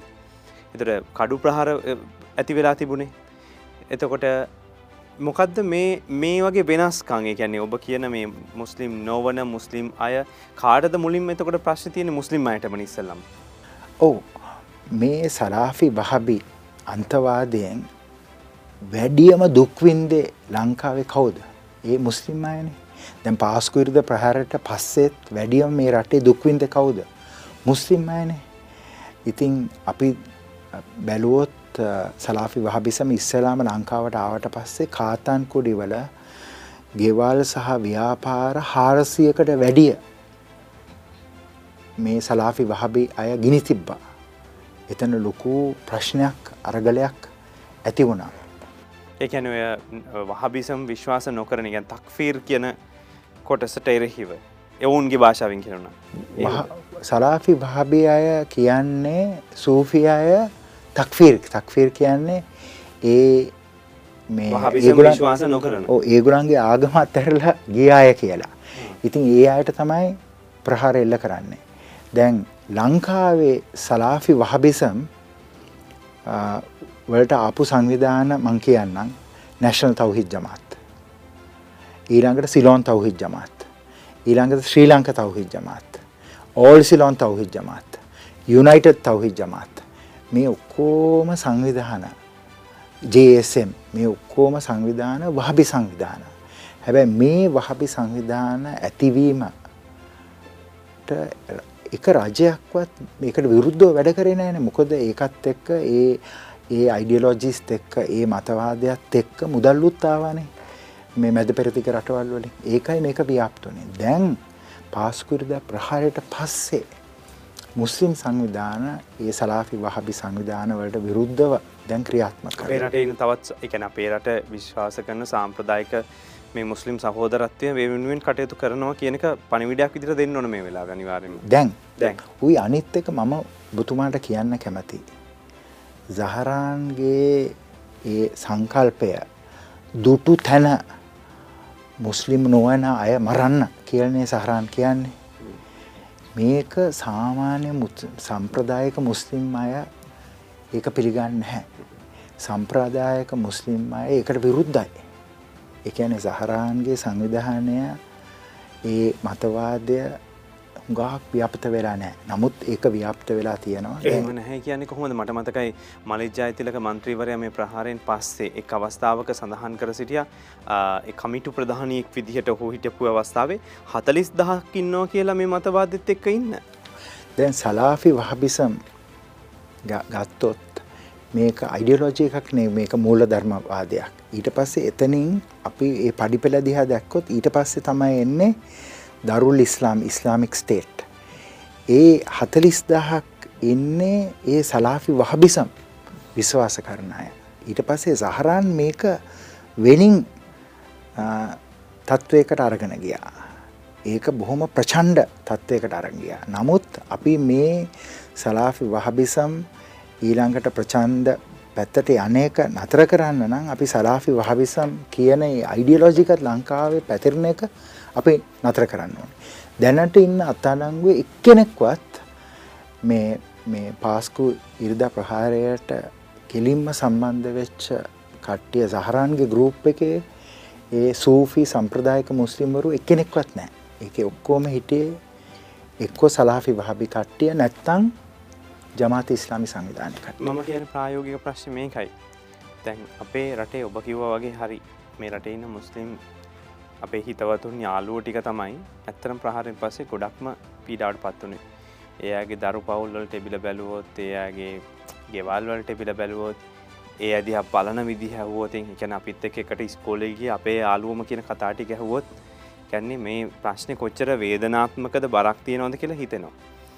හැබැයි මේක ලෙහිසිනය ලක්ෂ විස්සක් මන් දන්නද දානම ලක්ෂයක් විතර තමයි ගණන්වලින් කිව්වේ මුස්ලිම් ජනතාව මේ රටේ වාසය කරනවා කියලා. ඒකෙන් හතලිස් දාකට වැඩිය මේ වගේ පිරිසක් ඉන්නවා කියන එක. එක ලේසි පාසු තත්ත්වයක් නෙමයින් මිදන එක මම කියන්නේ. ඔබ හරි ඒකයි අපිට අත්‍යවශ්‍යය පුනරුත්ථාපනය කරන්න මේ සලාපි වහබි පැත්තට ගිය අය අපි පුනරුත්ථාපනය කරන්න ඕනේ අපි මේක පුනරුත්ථාපනය කරේ නැත්තම් මේ කට්ටිය සමහරලාට ඒ කට්ටිය අයෙත් ඒ බොහොම මරාගෙන මැරණ ඒ වගේ කල්ලි පැත්තට යන්න පුළුවන්. ඒකයි මං හිතන්නේ රජය බොහොම දක්ෂ ලෙස දැන් සංවිධාන එකොල්හක් තහනම් කරා. හැබැයි තහනම් කරාට පස්සේ එතිනින් ඔබටත් යන්න ඕනේ. ඒක තමයි කියන්නේ. දැන් ගිය රජයනේ මේක කරේ. කියන්නේ මේ ආණ්ඩුව නෙමෙයි අත්‍තරම ගිය ආණ්ඩුව මේක කරේ. ඒ කියන්නේ ප්‍රහාරය එල්ල වෙච්ච ඇතර කියන යහපාලන ආණ්ඩුව තමයි මේ තහනම් කිරීම කළේ. එතකොට ප්‍රහාරය එල්ලුණාන් පස්සේ මේ ආණ්ඩුව බලයට පත් වෙන්නේ මේකට සාධාරණ ඉෂ්ට කරනවා කියලා. එතකොට කල් මැරුවා විනා. ඒ කියන්නේ අද ඉෂ්ට වෙයි. අපි පාස්කු කොමිෂන් එකේ වාර්තා වෙනවා. එනකම් බලමු කියලා. ඉන්පස්සේ නඩු දාන්න බලා චෝදනා 20 30 ගොනු කරනකම් මේ කාලවකවණු ගත්තා විනා අද වෙනතුරු දැන් අපි ඔබතුමා මා කතා කරනවා වගේවත් විවෘත සංවාදයකෙදිවක්ක. මේ හතලිස් දහට මොකද කරන්න කියන එක. ඒ අයි මොනවද දැන් කරන ඇත්තේ සමහරටින් පිට වෙලා ඇති සමහට ලේකනයන් නැතුව ඇති. ඒක කරන්නේ නැතුව ඉන්න කියන මේ රටේ ඉන්න අනිකුත් සාම්ප්‍රදායක මුස්ලිම් අපේ හිතවත්තුන්ට සහෝදරයන්ටත් කරන අසාධාරණයක්නේ. මේ සංවිධාන එකොල්හ තහනං කරන එක කරේ යහපාලන රජය නෙවේ. ගෝටාබේ රාජපක්ෂ මහත්මය බලයට ආවට පස්සේ තමයි සංවිධාන. ඒත් ඊට ඉස්සල්ල මුලින්ම ප්‍රකාශයක් කරන මේ සම්බන්ධෙන් තානම් කිරීමක් කරනවා කිය සංවිධාන හතක් මංකිතන මුල් අධියරේදී ඕ දැහරන්ගේ කණ්ඩෑම ඇතුරුව තහනම් කලාන්න ඕ සංවි මේ මෛත්‍රපාල සිරිසේන ජනාධිපති තුමාගේ කාලේ රනිල් වික්‍රමසිංහ අගමැත්තුමාගේ කාලේ සංවිධාන තුනක් විතරයි සහන තානන් කරේ. ඒගොල්ලන් තහනම් කරා NTJ ඒ කියන්නේ නැෂනල් තවහීද් ජමාත්. හරි. ඊළඟට ඒ කට්ටිය තහනම් කරා විලායත් අස්සයිලානි කියලා සංවිධානයක්. හැබැයි මම කියන්න කැමති ඔයි අනිත් සංවිධානය තමයි JMI ජමියතුල් මිල්ලති ඉබ්‍රහිම් ෆිසිලනි කියන සංවිධානය. නමුත් මේ සංවිධාන එකොළහ තහනම් කරේ ගොඩබේ රාජපක්ෂ ජනාධිපතිතුමා බලයට ආවට පස්සේ. නමුත් මම බුතුමාට කියන්න කැමති සංවිධානයක් තහනම් කරා කියලා අන්තවාදය නැති වෙන්න. එතිනින් එහාට අපි වැඩ පිළිවෙලක් තියෙන්න ඕනේ ඒ කියන්නේ අර හිටපු මේට ඉස්සලා තිබිච්ච සම්ප්‍රදායක ඉස්ලාම් ධර්මය ඒගොලන්ගේ නායකව ගෙන්ලා ඒ අය අපි ඒ පල්ලිවලට පත් කරන්න ඕනේ ඒ අපි පත් කරේ නැත්තං ආයෙත් සලාෆි වහබිසම් එන්න පුළුවන්. සලාෆි වහබිසම් මේ රටට ආවට පස්සේ තමයි මුස්ලිම් මිනිස්සු මුස්ලිම් ජාතිකයන් සිංහල ජාතිකයන්ගේ ඉවත් වනේ. මම දැ මේ එතන්ට පුනරුත්තාපනවට පෙල්ටරි මේකට කතා කරන්න ඉස්සල්ල ගත්තොත් ඔය තැන් අපි මතක් කරන සිදුවීම් ගත්තෝතින් ඔය ප්‍රහාර එල්ල කරපු සිදුවීම් මේ හැම එකක් එක්කම කැපකරීම් කරපු මුස්ලිම් ප්‍රජාවකුත් ඉන්නවන්. ඔවු. අද වෙනතන් ගත්තො දැන් අද කෑගල්ලි සිද්ධිය ගත්තෝතින් දැන් අද වෙනතු මම පෞද්ගලික තොරතුරකි දෙර කියන්නේ මේ තස්ලිම් මට කතා කරලා ඊයේ මට කතා කරලා නම්බර එකක් කිල්ල ගත්ත. යාගේ පෞද්ගලික වැඩකට මේ වෙන කෙනෙක්කි. අද වෙනතුරු ඔහු දුක්විඳෙනවා. කැන තමන්ගේ ජීවිතය පරදුවට තිර කරපු දෙයක්. අද වෙනතුරු ඔහු පීඩා විඳෙනවා. ති ඕවගේම පිරිසක් ඉන්නවන මේ රටේ. තස්ලිම් කියන්නේ වීරෙක් මොකද තස්ලිම් කියපු නිසා තමයි වනාතවිල්ලු ඒ කඳවුර පොලිසියෙන් දක්ෂ ලෙස ගිහිල්ලා ඒ කට්ටිය අල්ලලා ඒ එතන වෙන වෙඩි බෙහෙත් හදන එක ඒව ඔක්කොම අපි එතනින් නතර කරේ. ඒක නතර කරේ නැත්තම් මේ රටේ ලේවිලක් වෙනවා. මොකද වනාත විල්ලු වල හම්බ වෙච්ච ඒ පුපුරණ ද්‍රව්‍ය ප්‍රමාණය සහ ඒ පුපුරණ ද්‍රව්‍ය තව හදන්න ගෙනාපු ඒ කෙමිකල්ස් ඒව ඔක්කොම දිහා බැලුවොත් පාස්කුද ප්‍රහාරයට පාවිච්චි කරපු බෝම්බ 10යි හදලා තියෙන ඩෙකල්ටන් බෑක්පැක් එකේ බෝම්බ 100ක් හදන්න තිබුණා. ඒක ඒතන එතන තිබිච්ච යූරියා සහ මේ නයිට්‍රික් ඇසිඩ් ප්‍රමාණ බැලුවොත්. ඉතින් තස්ලිම් උදව් කරා. තස්ලිම් විතරක් නෙමෙයි. ලංකාවේ ඉතිහාසයේ දිහා බැලුවොත් ඊලාම් යුද්ධයට විරුද්ධව බොහොම දක්ෂ ලෙස අපේ දක්ෂම බුද්ධියන්සේ කවුද හිටියේ? අපේ හිටියා කර්නල් නිසාම් මුතාලිෆ් කියලා පුද්ගලයෙක්. එයා තමයි කමාන්ඩිං ඔෆිසර් කෙනෙක්. ඊළඟට තව කමාන්ඩිං ඔෆිසර් කෙනෙක් හිටියා කර්නල් මීඩින් කියලා. මේ දෙන්නම LTT සංවිධානයේ. ඔව් තුවන් මීඩින්. ඊළඟට තව දක්ෂ නිලධාරයෙක් හිටියා අපේ ස්පෙෂල් ෆෝසස් විශේෂ හමුදාය අන්සේ මෙන්ට මගේ හොඳ මිත්‍රයෙක් කනල් ෆසිලි ලෆීර් කියලා එයා මුලතිව්වල මිය ගියා. ඉතින් මේ වගේ බොහොම දක්ෂ අය මුස්ලිම් ජනතාව හිටියා. ඉතින් අපි කියන්න කවුරුවත් කවුරු හරි කිව්වොත් මේ ත්‍රස්තවාදීන් මුස්ලිම් අය කියලා ඒක වැරදි. මුස්ලිම් අය මේ රටට ලොකු සේවයක් කරලා තියෙනවා. මේක පොඩි කල්ලියක් මේ ප්‍රහාරය එල්ල කරේ. නමුත් ඒ කල්ලිය හැදෙන හේතුව තමයි අපි මෙතන ඉකෝසිස්ටම් එකක් හැදිලා තියෙනවා මේ සලාෆි වහබිසම් සලාෆි වහබි පල්ලි සලාෆි වහබි මද්‍රසා සලාපි වහබි සංවිධාන. ඉතින් මේවා අපි ඔක්කෝම මේ රටෙන් මේ ඊළඟ අවුරුදු කීපයෙන් අපි මේ සංවිධාන ඔක්කොම වහන්න ඕනේ. කොහෙද එහෙම මොනවද තියෙනවා කියලා පේන්නේ ඉතින් දැන් සංවිධාන 11ක් තහනම් කරලා තියෙනවා. අඩු ගානේ ජේමයි එකේ නෙට්වර්ක් එක ගත්තු. තැන් මේක කොච්චරක් හිටියද සම්පූර්ණයම ඔබ හිතන විදිර විශ්වාස කරනකොට? ජේමයි සංවිධානය හැටක් විතර හිටියා. මම ඔබ ඔබට පෙන්නන්නම්. මේ ජේමයි සංවිධානය නෙට්වර්ක් එක. මේ ජේමයි සංවිධානයේ මේක බැලුවොත් මේ ඉන්නේ ජමිල් දෙහිවල බෝම්බය කරු. ඔහු ඔහුට නේද වැඩිපුරම ජාත්‍යන්ත්‍ර සබඳතා තිබුණක් කියලා සඳහන්න්නේ පාස්කු ප්‍රහාර සම්බන්ධවත්. ඕ මොකද ජමීල් මේ විශ්වවිද්‍යාලටගේ ඉස්සලාම ඉංගලන්තේ. එයා එතන ගිහිල්ලා එහෙ ඉබ්‍රහිම් මේ මිල්ලති ඉබ්‍රහිම් කියන සංවිධානයට එයා බැඳුනා. එයා ඒ කට්ටියත් එක්ක වැඩ කරා. ඊට පස්සේ එයා ලංකාවට ඇවිල්ලා එයා කසාදයක් කරලා එයා ගියා ඔස්ට්‍රේලියාවට. ඔස්ට්‍රේලියාවට ගිහිල්ලා එහි අයිස් සංවිධානයට වැදුනා. එතන තියෙනවා මෙල්බන් නගරයේ පල්ලියක් තියෙනවා අල්ෆුර්කාන් කියලා. ඒ පල්ලි ඒ පල්ලිය තමයි එයා අරුස් හම්බුනේ. ඊට පස්සේ අරුස් ලාංකිකෙක්. එයා ඔස්ට්‍රේලියාවේ එයා ඒ කාලේ අධ්‍යාපනය කර කර හිටියේ. ඊට පස්සේ අරුස් ලංකාවට ආයෙත් ඇවිල්ලා නිලාම් හම්බ වෙලා ඊට පස්සේ අරුස් ගියා සිරියාවට ගියා. ඉතින් ජමීල් කියන්නේ බොහෝම කියන්නේ එයා හුඟා වැඩ කල්ලා තියෙනවා සහරාන් වෙනුවෙන්. මොකද එයා තමයි අර ඉබ්‍රහිම් හජ්ජියාර්ගේ පුත්තු දෙන්න. ඉල්හාමු ඉන්සාෆුයි සහරාන්ට අඳුරලා දුන්නේ.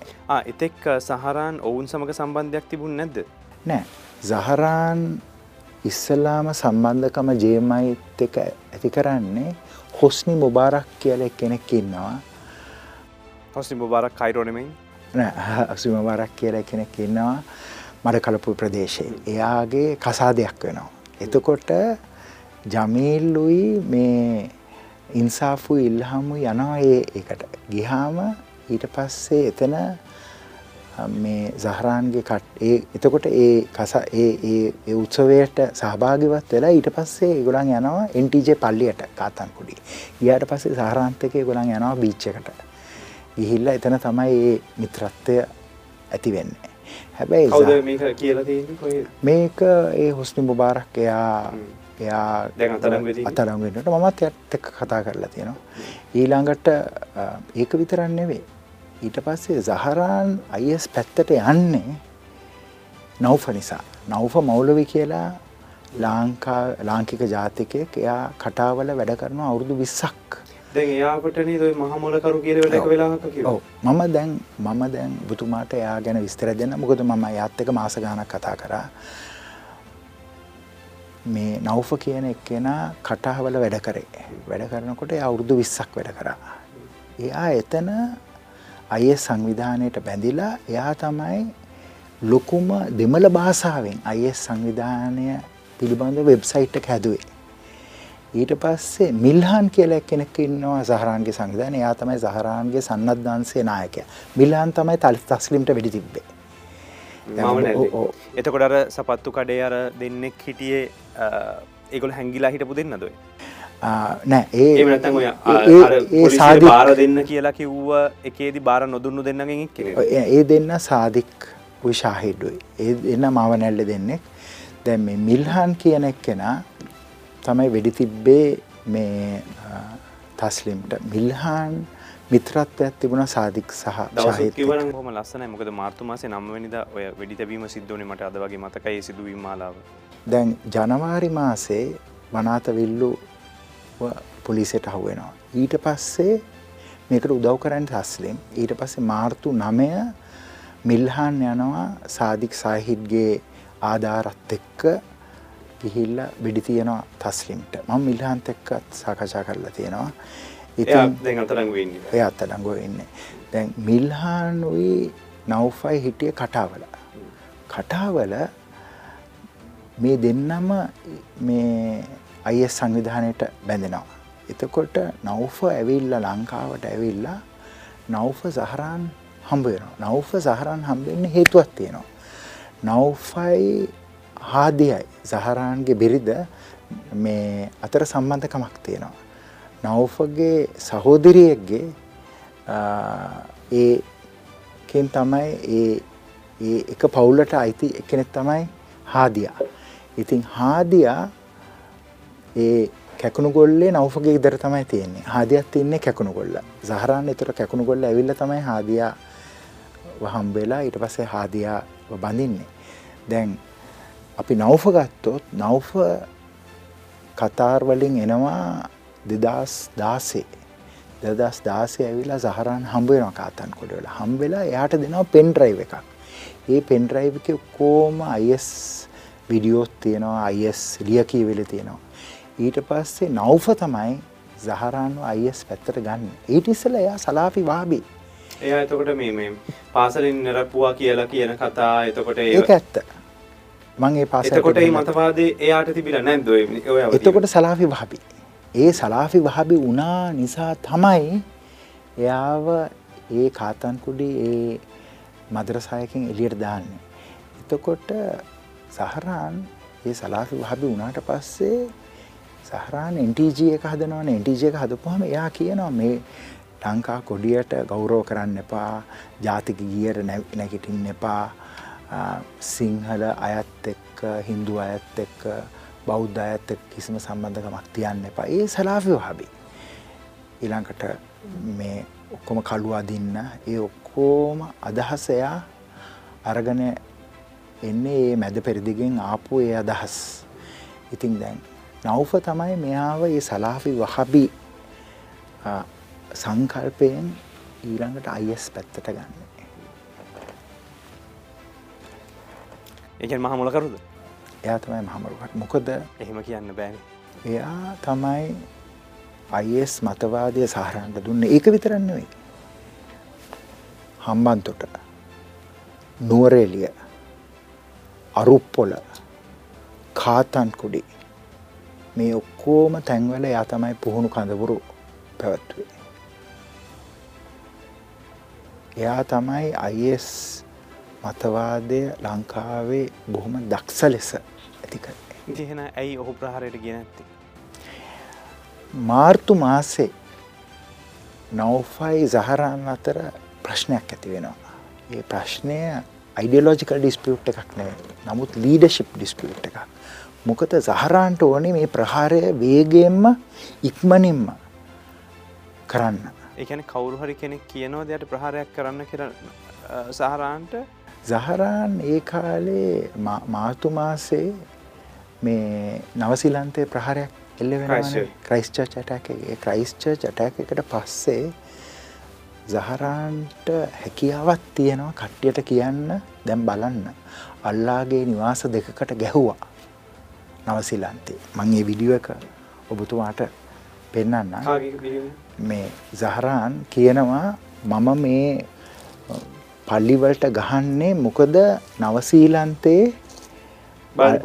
ඔව්. ඉතින් ඒක නිසා සහරාන් කියනවා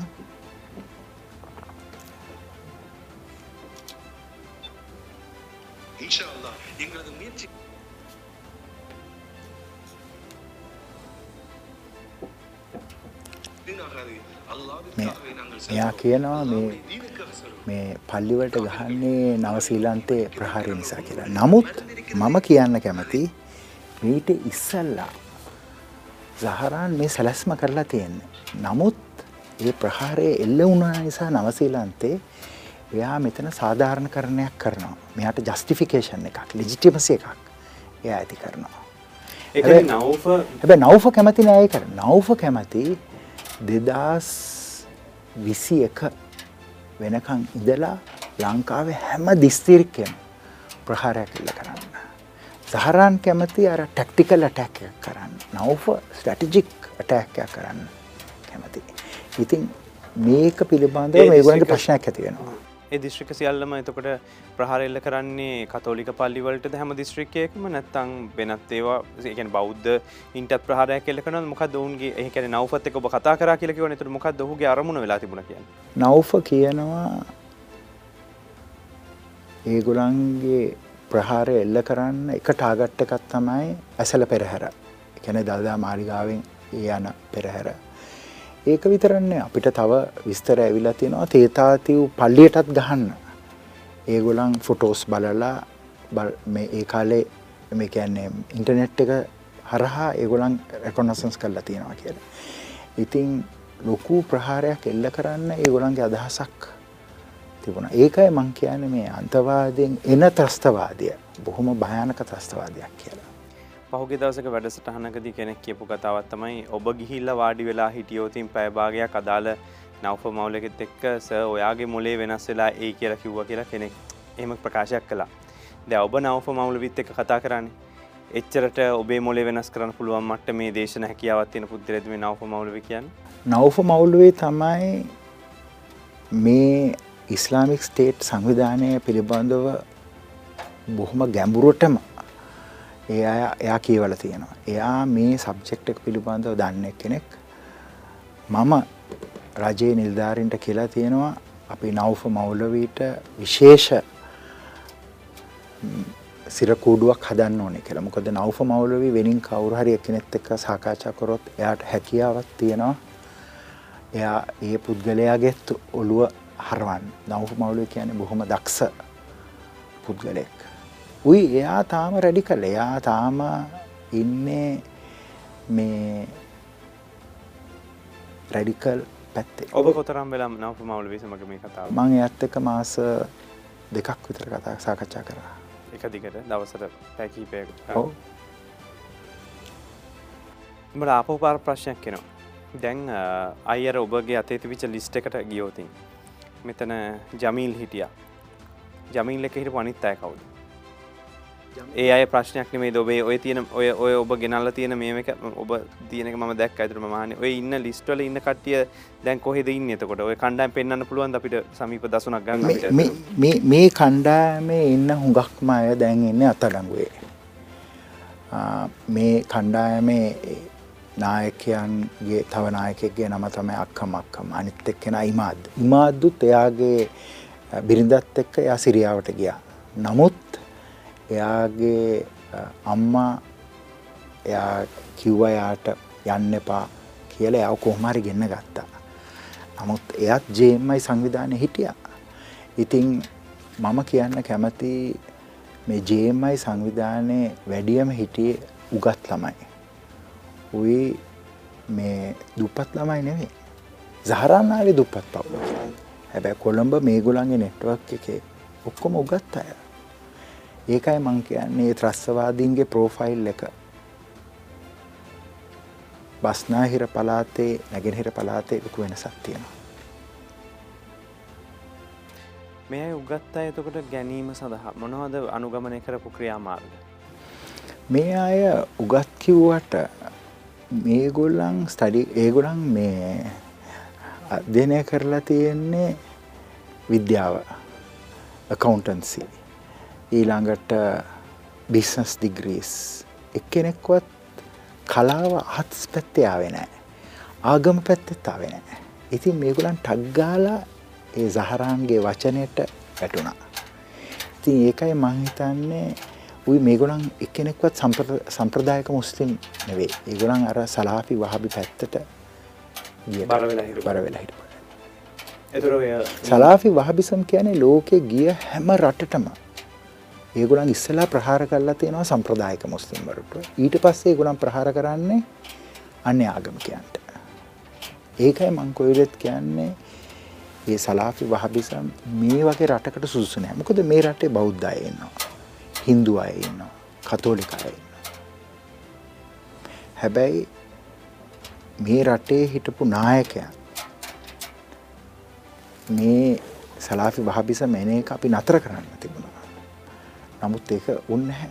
ඉතින් දැන්වත් අපි බොහොම දක්ෂ ලෙස ක්‍රියාත්මක කරන්න ඕන විශේෂයෙන්ම ඒ සලාෆි වහබි මෞලවීවරු එනවනම් මේ රටේ දේශනා කරන්න අපි ඒක නතර කරන්න ඕනේ. දැන් ඒ- ඒක නතර කරේ නැත්තම් මේ වහබ්බාදය මෙහෙ ව්‍යාප්ත වෙනවා ආයෙත්. දැන් මේ අතරේ ඔබ සඳහන් කරපු තව කාරණයක් තමයි අ, බෝම්බ සීයක් විතර පුපුරවන්න උත්සාහ කරා කියලවල. තෑ එතකොට වනාත විල්ලුව සිදුවීමේදී අහුවෙනමනේ මේ පුපුරණ ද්‍රව්‍ය. ඉන් පස්සේ අපහු සද්ධයක් නෑන් අපහු සද්‍යයක් එන්නේ කාතන් කුඩීදි පයිසිකල් බෝම් බෙදින්. තොට ඒ වෙනකං අපේ බුද්ධ්‍යංශ කොහෙද හැසිරුණේ. එතර ඒ අය මේ ආවේක්ෂණ රාජකාරි කරේ නැද්ද. තොර බයිසිකල් බෝම්බය සම්බන්ධයෙන් යුද හමුදා බුද්ධ්‍යංශ මහිතන් දැනුවත් කිරීමක් කරනවා නේද හරියාකාරව ප්‍රථම වතාවට මේ සම්බන්ධයෙන් මේක පිපිරිවීමක් මේක ප්‍රහාරයක් රස ප්‍රහාරයක් කියල් වනාතවිල්ලු කඳවුරේ තස්තවාදී කඳවුරේ බෝම්බ සියක් හදන්න ඒ පුපුරණ ද්‍රව්‍ය හදපු යූරයා සහ නයිට්‍රික් ඇසිට් තිබුණා නමුත් බෝම්බ සියක් හදල තිබුණ නැහැ. නමුත් කොටසකින් බෝම්බ හදල තිබුණා. හැබැයි අපි ඒ මුළු ප්‍රමාණයම දැක්කොත් ගත්තොත් ඒ ප්‍රමාණය සීයකට ආසාන ප්‍රමාණයක් හදන්න පුළුවන්. න- ඉතින් වනාතවිල්ලු කඳවුර පොලිසියෙන් අල්ලපු එක බොහෝම හොඳ දෙයක්. මොකද නැත්තං මේ ප්‍රහාරය මීට වැඩිය බොහොම දරුණු විදියට යනවා. නමුත් වනාතවිල්ලු කඳවුර ඇල්ලුවට පස්සේ රජයේ නායකයන් ඒ අවස්ථාවේදී මේ ඉන්වස්ටිගේෂන් ටීම් එකට දුන්න ආධාර ඒ ඩිරෙක්ෂන් එක සපෝට් එක එක මදි. ඒක දුන්න නම් මේ වෙනකොට සහරාන් ඔය යාගේ නෙට්වක් එක සම්පූර්ණයෙන්ම අඩපල කරන්න තිබුණා. හැබැයි ඒක වුණ නැහැ. මොකද ඒ කාලේ හිටපු නායකයන් ජාතික ආරක්ෂාවට ප්‍රයොරිටි එකක් දුන්නේ නැහනේ. ඒකයි වුණේ. ඒක ය- නායකයාගේ ප්‍රශ්නයද බම් මෙහම ආපව පාරක් ඇහුවොත් දැන් අ, ඒ අවස්ථාව වන විට එසයිස් එක වෙනම ක්‍රියාත්මක වුණා. එතකොට අ, මේකත් එක් හමුදා බුද්ධ්‍යංශ වෙනමනම කණ්ඩෑම් වශයෙන් ක්‍රියාත්මක වුණා. එතකොට නමවෙනිදා මේ පළවෙනි වතාවට අප්‍රේල් හතරවනිද තමයි ප්‍රහාරයක් එල්ල වනවා කියලා ඉන්දයානු තොරතුර ලැබෙන්නේ. පැදිල සඳහන්න පාස්කෘද කමිෂන් සභ වාර්තාවේදී ඒ අතරතිවිච්ච බුද්ධි සමාලෝචන රැස්වීම් පැත්වෙන්නේ නෑ තොර පොලිසිය SIS එක මේ තොරතුර දන්නවා. තොට ජාතික බුද්ධි ප්‍රධානී හරි එතනින් එහාට මේ කතාව තොට හමුදා කණ්ඩායම්තම පරීක්ෂණ සමහර අය සම්බන්ධෙන් ආවේක්ෂණ රාජකාරිවල හිටියේ. මේ දෙගොල්ලො අතරට මේ තොරතුර ගිය නැතියක නෙමේද තියෙන නායකත්ව ප්‍රශ්නය නෙමයි නේද මෙතන තියෙන්නේ. පාස්කු ඉරිද ප්‍රහාරය එල්ල කරේ සහරාන්ගේ කණ්ඩායමනේ. සහරාන් කියන නම ඊළඟට සහරාන්ගේ සන්නද්ධන්සේ නායකය නම මිල්හන් රයි ඊළඟට සහරන්ගේ සහෝදරයා රිල්වාන්. මේ කට්ටියගේ නං ඊළඟට ඉස්ලාමික් ස්ටේට් කියන නමත් එක්ක බුද්ධි අන්සවලින් SISකෙන් සහ එම්මයි එකෙන් වාර්තා තුන්සිය පණහකට වැඩි ප්‍රමාණයක් දෙදස් පහළවේ ජනවාරි ඉඳලා පාස්කු ඉරිද වෙනකං නැශනල් සිකරිටි කවන්සිල් එකට සෙකට්‍රි ඩිෆෙන්ස්ට ආරක්ෂක ලේකම්ට සහ පොලිස්පත්තුමාට ඇරලා තියෙනවා. එවචර් සීරියස් නෑන. ඒවා හැබැයි ඒව සිරියස්. ඒක කියනවා මේ ලෝයන් ඕඩ මිනිස්ට්‍රියකට SIS එකෙන් එවනවා සහරන් අත්තඩංගොට ගන්න කියලා. ඒත් මොකක්ද වනේ ඉතින් මේකට කියන්න පුළුවන්ද බුද්ධ්‍යන්සේ වැරදිී කියලා? ඔබ කියන බුද්ධ්‍යංශ තොරතුරු රැස් කරා. එතකොට ඔබ කියන දේශපාලන ක්‍රියාකාරිත්වය නොමැති ති දේශපාලන බලය ඔන්න ඇනි ක්‍රියාත්මක වෙන්න මෙතන. ආරක්ෂකංශවලට ජාතික ආරක්ෂාව සම්බන්ධයෙන් වගකීම තියෙනවානේ. සිකරිටියන් ඉන්ටෙලිජන්ස් ඒ කියන ආරක්ෂාව සහ ඔත්තු. මේ දෙකම එකට එකතු වෙලා වැඩ කරන්නේ. මම ඉස්සල කියලා දෙන්න මේ පදනම ඇති වුණේ කොහොමද කියලා. එක්දා සමසය හැත්ත නමේ ජයාර්ජාවර්ධන තමයි ජනාධිපත්තුමා. එයා දැක්කා ත්‍රස්තවාදයක් ඇති වෙනවා උතුරෙන්. එතකොට එයා බ්‍රිතාන්‍ය ඔත්තු සේවෙන් බ්‍රිතාන්‍ය රජයෙන් ඉල්ලවා උදව්. බ්‍රිතාන්‍ය ඔත්තු සේවෙන් එව්වා බොහොම දක්ෂ නිලධාරයෙක්. JP මෝටන් කියලා. ඒ JP මෝටන් ඇවිල්ලා එයා තමයි මේ කොන්සෙප්ට එක සංකල්පය හැදුවේ ආරක්ෂක අමාත්‍යන්සේ director general security and intelligence. මෙයා ආරක්ෂක ලේකම්ගේ යටතේ ඉන්න පුද්ගලයෙක්. එයා තමයි ඉන්ටෙලිජන්ස් ගන්න ඊළඟට ඒ ඉන්ටෙලිජන්ස් අනුව ඔපරේෂන්ස් කරනවා. දැන්වුත් අපි බැලුවොත් ඉන්ටෙලිජන්ස් එනවා එක පැත්තකින්. ඒ ඉන්ටෙලිජන්ස් අනුව ඒ බුද්ධි තොරතුරු අනුව ඔපරේෂනල් විං එකක් තියෙන්න එපා ඇක්ෂන්ස් තියෙන්න එපා. පාස්කු ඉර්ධ ප්‍රහාරයේ ඉන්ටෙලිජන්ස් ෆෙලිය එකක් නෙවෙයි. ඒක ඔපරේෂන් ෆෙලියර් එකක්. ඒ ඉන්ටෙලිජන්ස් කොච්චර ආවත් රිපෝට්ස් 350ක් ආවත් ඒක පිළිබඳ මොකක්ද කරලා තියෙන ක්‍රියාව? ඉති අපි නම් කියමුකු නිලන්ත ජයවර්ධනට මෙතන සයිස් ප්‍රධානය විදිහට ඔහු බුද්ධ්‍යංශ වාර්තාටි කියෙනවන් එතට ඔහුට ඔහුට බලයක් නැද ඔපරේෂන් ලෙවල් එක වැඩ කරන්න? එතොට ඔහු පොලිස්පතිටද කියන්න ඕන? එනත ඔහු කාට ඔබ හිතන විදිරම ඊළඟ ලේරක කාටද මේක දෙන්න ඕන? ඔත්තු සේවයක් වසයෙන් SIS එක ඒ ඔත්තු එකතු කරනවා. එකතු කරලා ඒක රජයට දෙනවා. රජයේ ඉන්න පොලිසිමේකස්ලට ලීඩස්ලට දෙනවා ජනාතිපතිට කියනවා අගමැත්තුමාට කියනවා ලෝය නෝඩ මිනිස්ටට කියනවා ආරක්ෂක ලේකම්ට කියනවා. ඊළඟට සියන්න ඒ කියන්නේ බුද්ධි ප්‍රධානයට කියන ඔවු ඒ කට්ටියට කියනවා. ඒ කට්ටිය ඒක පිළිබඳව ඒ ඔක්කොම් බලලා ඒගොලන් ක්‍රියාත්ම කරන්න ඕනේ. CID TID ඒ පොලිස්නේ නමුත් ඔත්තු සේවේ කාර්යභාරය ඔත්තු එකතු කරලා කියන එක රජයට. මේක දැන් මේක තර්ජනයක් මේක පිළිබඳව ක්‍රියාත්මක කරන්න. නමුත් ඒ ක්‍රියාත්මක කරන සංවිධාන තමයි ඔපරේෂනල් සංවිධාන. ඉතින් නොකිය හිටියනම් හතරවෙනිදා ඉඳලා ලොකු ප්‍රශ්නයක්නේ. දැන් අන්තිමට මේක ප්‍රහාරය එල්ලුණෙන් පස්සේ කිහිප දෙනෙක්ගේ ෆේස්බුක් සමාජ ජාලා ඔස්සේ ගියානේ මේ කවුද සහරාන් කියන්නේ. ඔහු ආවල් පාර ඉන්නවා. රෑට එනවා. මෙන්න ගෙදර තියෙන තැන. හොර රහසේ ඇවිත් මෙයාව හම්බු වෙනවා. මෙච්චර විස්තරයක් තියෙනවානේ ඉතින් මෙතන. ඉතින් ඔව් දැන් නායකයෝ මේ අවස්ථාවේදී බලන්න ඕනේ මේ ඔත්තු ආපු ඒ ඔත්තු අනුව යම්කිසි ක්‍රියාදාමයක් වෙනවා කියලානේ. මේකේ අපි සහරාන් ගැන දැනගෙන හිටියනේ. නමුත් මේක පිළිබඳව මොනහරි ඇක්ෂන් එකක් ගත්තේ නැති එකනේ ඒකනේ වැරද්ද. සහරාන් අන්තවාදයෙක් සහරාන් ඉස්ලාමික් ස්ටේට් සංවිධානයේ නියෝජිතය කියලත් විස්තර ඒ රිපෝට් සුල සඳහන මම ඒ රිපෝට්ස් තුන්සිය පණහ කියවල තියෙනවා. ඒ රිපෝට්ස් දැක්කම ලොකු දුකක් වේදනාවක් ඇති වෙනවා. මොකද මේ වගේ ඔත්තු බොහෝම කලාතුරකින් තමයි මෙච්චර හයිග්‍රේඩ් හයි කොලිටි ඔත්තු එන්නේ. නමුත් ඒ ඔත්තු අනුව ක්‍රියාත්ම කරල නෑනේ ඒකයි වැරද්ද. ඒකයි මම මේ පාස්කුරිද ප්‍රහාරය වුණ ගාම මම දේශනාව දුන්න ලංකාවේ මගෙන් මේ ප්‍රශ්නය හුව මම කිව්වා Easter Sunday attack is not an intelligence failure, it's an operational failure, it's a failure to act කියලා. දැන් මේ මේ ඔබ ඉදිරිපත් කරපු ලිස්ට කියන්න විශේෂ කෙනෙක් තමයි ජමීන්. එතොට ජමීල්ව හම්බුවෙන්නේ නැද්ද බුද්ධියන් ශරිලධාරීන්. ඔහොත් එක සාකච්ඡා කරන පේනවන්නේ පොලිසිය පැහැදිලිවම අදාළ පල්ලියට ගිය අවස්ථාවේදී මේ පිළිබඳව. ඔබේ ඔබේ මතය මොකද මේ ගැන?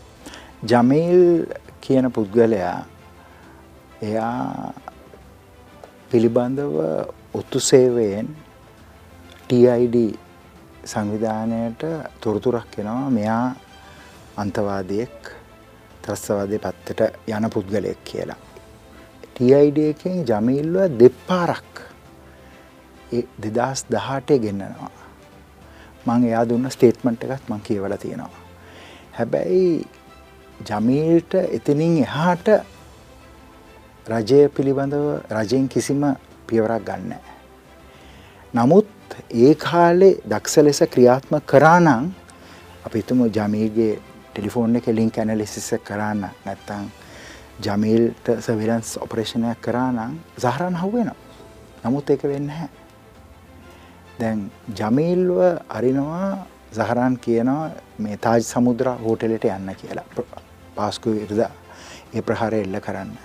ජමීල් ගිහාම ජමීල්ගේ ස්වීසයි ජකට් එක එයා ඩිටනෙට් කරන්න හදන එක ඩිටනෙට් වෙන්න ඒක අපි හිතන දෙයක් දනිකන් නෑ ඒක දෙනවා CCTV ෆුටේජ් එක. ඒක තේරෙනවා කීප පාරක් ජමීල් ඒ ඒක ඩිටනේෂන් එක ඇක්ටිවේට් කරන්න හදනවා. හැබැයි ඇක්ටිවේට් වෙන්නේ නැහැ ඊට පස්සේ ජමීල් යනවා ත්‍රීවිලර් එකක් අරගෙන එබනීසන් කියලා පල්ලියක් තියෙනවා දෙහිවල. ඒ පල්ලියට යනවා. ඒ පල්ලියට එයා ගියාම ජමිල් හිතනවා එතන්ට අය සංවිධානයෙන් කෙනෙක් ඇවිල්ලා නියාස් ඇවිල්ලා යාව එකතු කරලා යාව මඩ කලපුට අරන් යයි කියලා. ඒකැන පෙර සූදානමක් තිබුණද? එහෙම ප්‍රහාරය සම්බන්ධය වැරදුනත් මොහක්කරි ඕ මිගන්න ක්ෂන්ස් මොනාද කිය ඔව. එහෙම වුණොත් ඒ පල්ලියට එන්න කියලා. ඉතින් ජමීල් ඒ පල්ලියට ගිහාමයාගේ හැසිරීම මේ සාමාන්‍ය මුස්ලිම් භක්තිකයෙක් පල්ලියට ඇවිල්ලා හැසිරණ විදියට වැඩිය හුඟක් වෙනස්. එතකොට ඒ අවස්ථාවේදී ඒ පල්ලියේ වැඩ කරන පුද්ගලයෙක් ජමීල්ට කතා කරනවා අහනවා ජමීල්ගෙන් ඔයා මොනවද මෙතන කරන්න කියලා. එතකොට ජමීල් කියනවා නෑ මම පල්ලියට ආවා ඊළඟට කියනවා කැමති නම් මගේ නෝනට මගේ බිරිඳට කතා කරන්න කියලා. එතකොට ඒ පල්ලියේ වැඩ කරන පුද්ගලයා ජමීල්ගේ බිරිඳට කතා කරනවා දුරකථනයේ. ඒ දුරකථනය කතා කරට පස්සේ ජමීල් පිටත් වෙනවා මේ ටොපිකල් ලින් කියලා. ඒ තැනට ගිහිල්ල එයා එතන කාම්බරයක් රෙන්් කල්ලා එයා එතන ඒ ඩිවයිස් එක ඒ ස්විසයි ඩිවයිස් එකේ මරාගන මැරණ කට්ටලය එයා ආයෙත් පොඩ්ඩක් හදන්න බලනවා එතකොට එතන ඒ කට්ටලේ පුපුරනවා එතකොට ජමිල් මැරණවා එතන හිටපු තව දෙන්නෙකුත් මියයනවා එතොට ඇවිල්ල අතරමැද කතා කරන ආරක්ෂක නිලධාරයා හෝ කවුරහරි බුද්ධ්‍යංශ නිලධාරයෙක් නෙවෙයි දැන් මම ඔබතුමාට කිව්වා ජමීල් පිළිබඳව බුද්ධියන්සයෙන් TID එකට කියලා තියෙනවා. කීප පාරක් කියලා තියෙනවා. ඒකයි TID එකෙන් ජමීල්ව ගෙන්නලා ප්‍රශ්න කරන්නේ. ඉතින් මේ ප්‍රහාරය පාස්කුවිල්ද ප්‍රහාරය එල්ල වුණාම හමුදා බුද්ධ්‍යන්සයෙන් යනවා ජමීල්ගේ බිරිඳගේ ගෙදරට. ගෙදරට ගිහිල්ලා ජමීල්ව අවේක්ෂණය කරේ එකට තොරතුර දුන්නේ හමුදා බුද්ධ්‍යංශෙන්ද ඔට ඉස්සල්ල. හමුදා බුද්ධ්‍යන්සයයි මේ SIS එක එකන SIS එක දෙකම ජමිල් ගැන හොඳර දන්නවා. ඉතින් හැබැයි හමුදා බුද්ධ්‍යන්සයෙන් යනවා ජමීර්ගේ ගෙදරට ජමීර්ගේ ගෙදරට ගියාට පස්සේ ජමීල්ගේ ගෙදර එයාගේ නෝනා එයාගේ බිරිඳ දුරකථනයක් ගන්නවා ජමීල්ට. එතකොට ඒ වෙනකොට ජමීල් පුපුරලා ඉවරයි. එකන් ට්‍රොපිකල් ඉන්න එකේ එයාගේ පිපිරිම් වෙලා. හරි. දැ මේක ආයත් මේක මේ මතයක් ගොඩ නැගිල තියෙනවා බුද්ධ්‍යන්සයෙන් ජමීල්ත එක්ක හිටිය එක අමුලික බොරුවක් බුද්ධ්‍යන්සේ ජමිල් ගැන දන්නවා. නමුත් බුද්ධ්‍යන්සය ජමීල්ව රන් කර ඔපරේෂණ එකක් වසයෙන් රන් කරා කියන එක ඒක වැරදි මතයක්. දැතොට තොරතුරු කොයිම අවස්ථාවකවත් නැද්ද යුද්ධ තිබිච්ච කාලෙදී සහරාන්ව බුද්ධ්‍යංශය විසින් තොරතුරු ලබා ගැනීම සඳහා හෝ වෙනත් නියෝජිතයෙක් ලෙස සම්බන්ධ කරගත්ත කියලා යුද්ධයට අවශ්‍ය සහය ලබාගන්න. මම මේක පිළිබඳව මේ අය සංවිධානය පිළිබඳව තියෙන ඔක්කෝම ලිය කියවිලි දැන් අධ්‍යක්ෂණය කරලා තියෙන්නේ. මුල ඉඳලා අගට නමුත් මට එක රිපෝට් එකක්වත් ඇවිල්ල නැහැ සහරාන්ගේ කණ්ඩායම එන්ටජේ කණ්ඩායමට එක්කෝ එස්යිස් එක නැත්ත එම එක නැත විනින් අපේ රටේ තවත් තියෙනවන්න බුද්ධ්‍යන්ස තුනක්.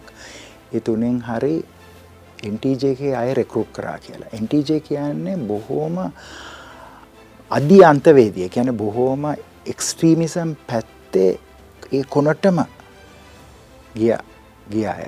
දැන් මම මෙතන්දි කියන්න කැමති සහරාන් ඒ කාතාන් කුඩ්ඩි සමහරලාට යගේ අන්තවාදී අදහස් ප්‍රකාශ කරනකොට හමුදාවෙන් බොහොම තරහයි. ඒ ඒ මඩකලපු ප්‍රදේශයේ බාර හිටුවා හිටියා ජෙනරල් ලාල් පෙරර කියලා. ජෙනරල් ලාල් පෙරර දවසක් එයා මට කිව්වා. එයා සහරහන්ගේ එක්කොම කණ්ඩායම ගෙන්නවා කියලා. ගෙනල්ල එයා ඒ කට්ටියට සහරන්ට කිව්වලු ඔය කරන වැඩ ඔක්කොම නතර කරන්න කියලා. ඊට පස්සේ මම දැක්ක සහරන් ගිහිල්ලා එයාගේ ෆේස්බුක් බුක් එකත් ලියලා තියෙනවා මේ ජෙනරල්ට විරුද්ධව. උයි සහරාන් බුද්ධි සේවයට බොහොම විරුද්ධව ක්‍රියාත්මක කරපු එකන මම ඕන්න විඩියෝ පටියක් පෙන්න්නම් සහරාන් කියනවා බුද්ධ්‍යන්සය ගැන එහ මොනාද කියන්න. ඒ සහරාන් බුද්ධ්‍යන්සය හඳුරුවන්නේ එයා කියන්නේ බුද්ධියන්සේ අයට කියන බල්ලො කියලා කතා කරන්නේ. මම දැන් ඒ විඩියෝ පටිය පෙන්නන්නම් ඔබතුමාට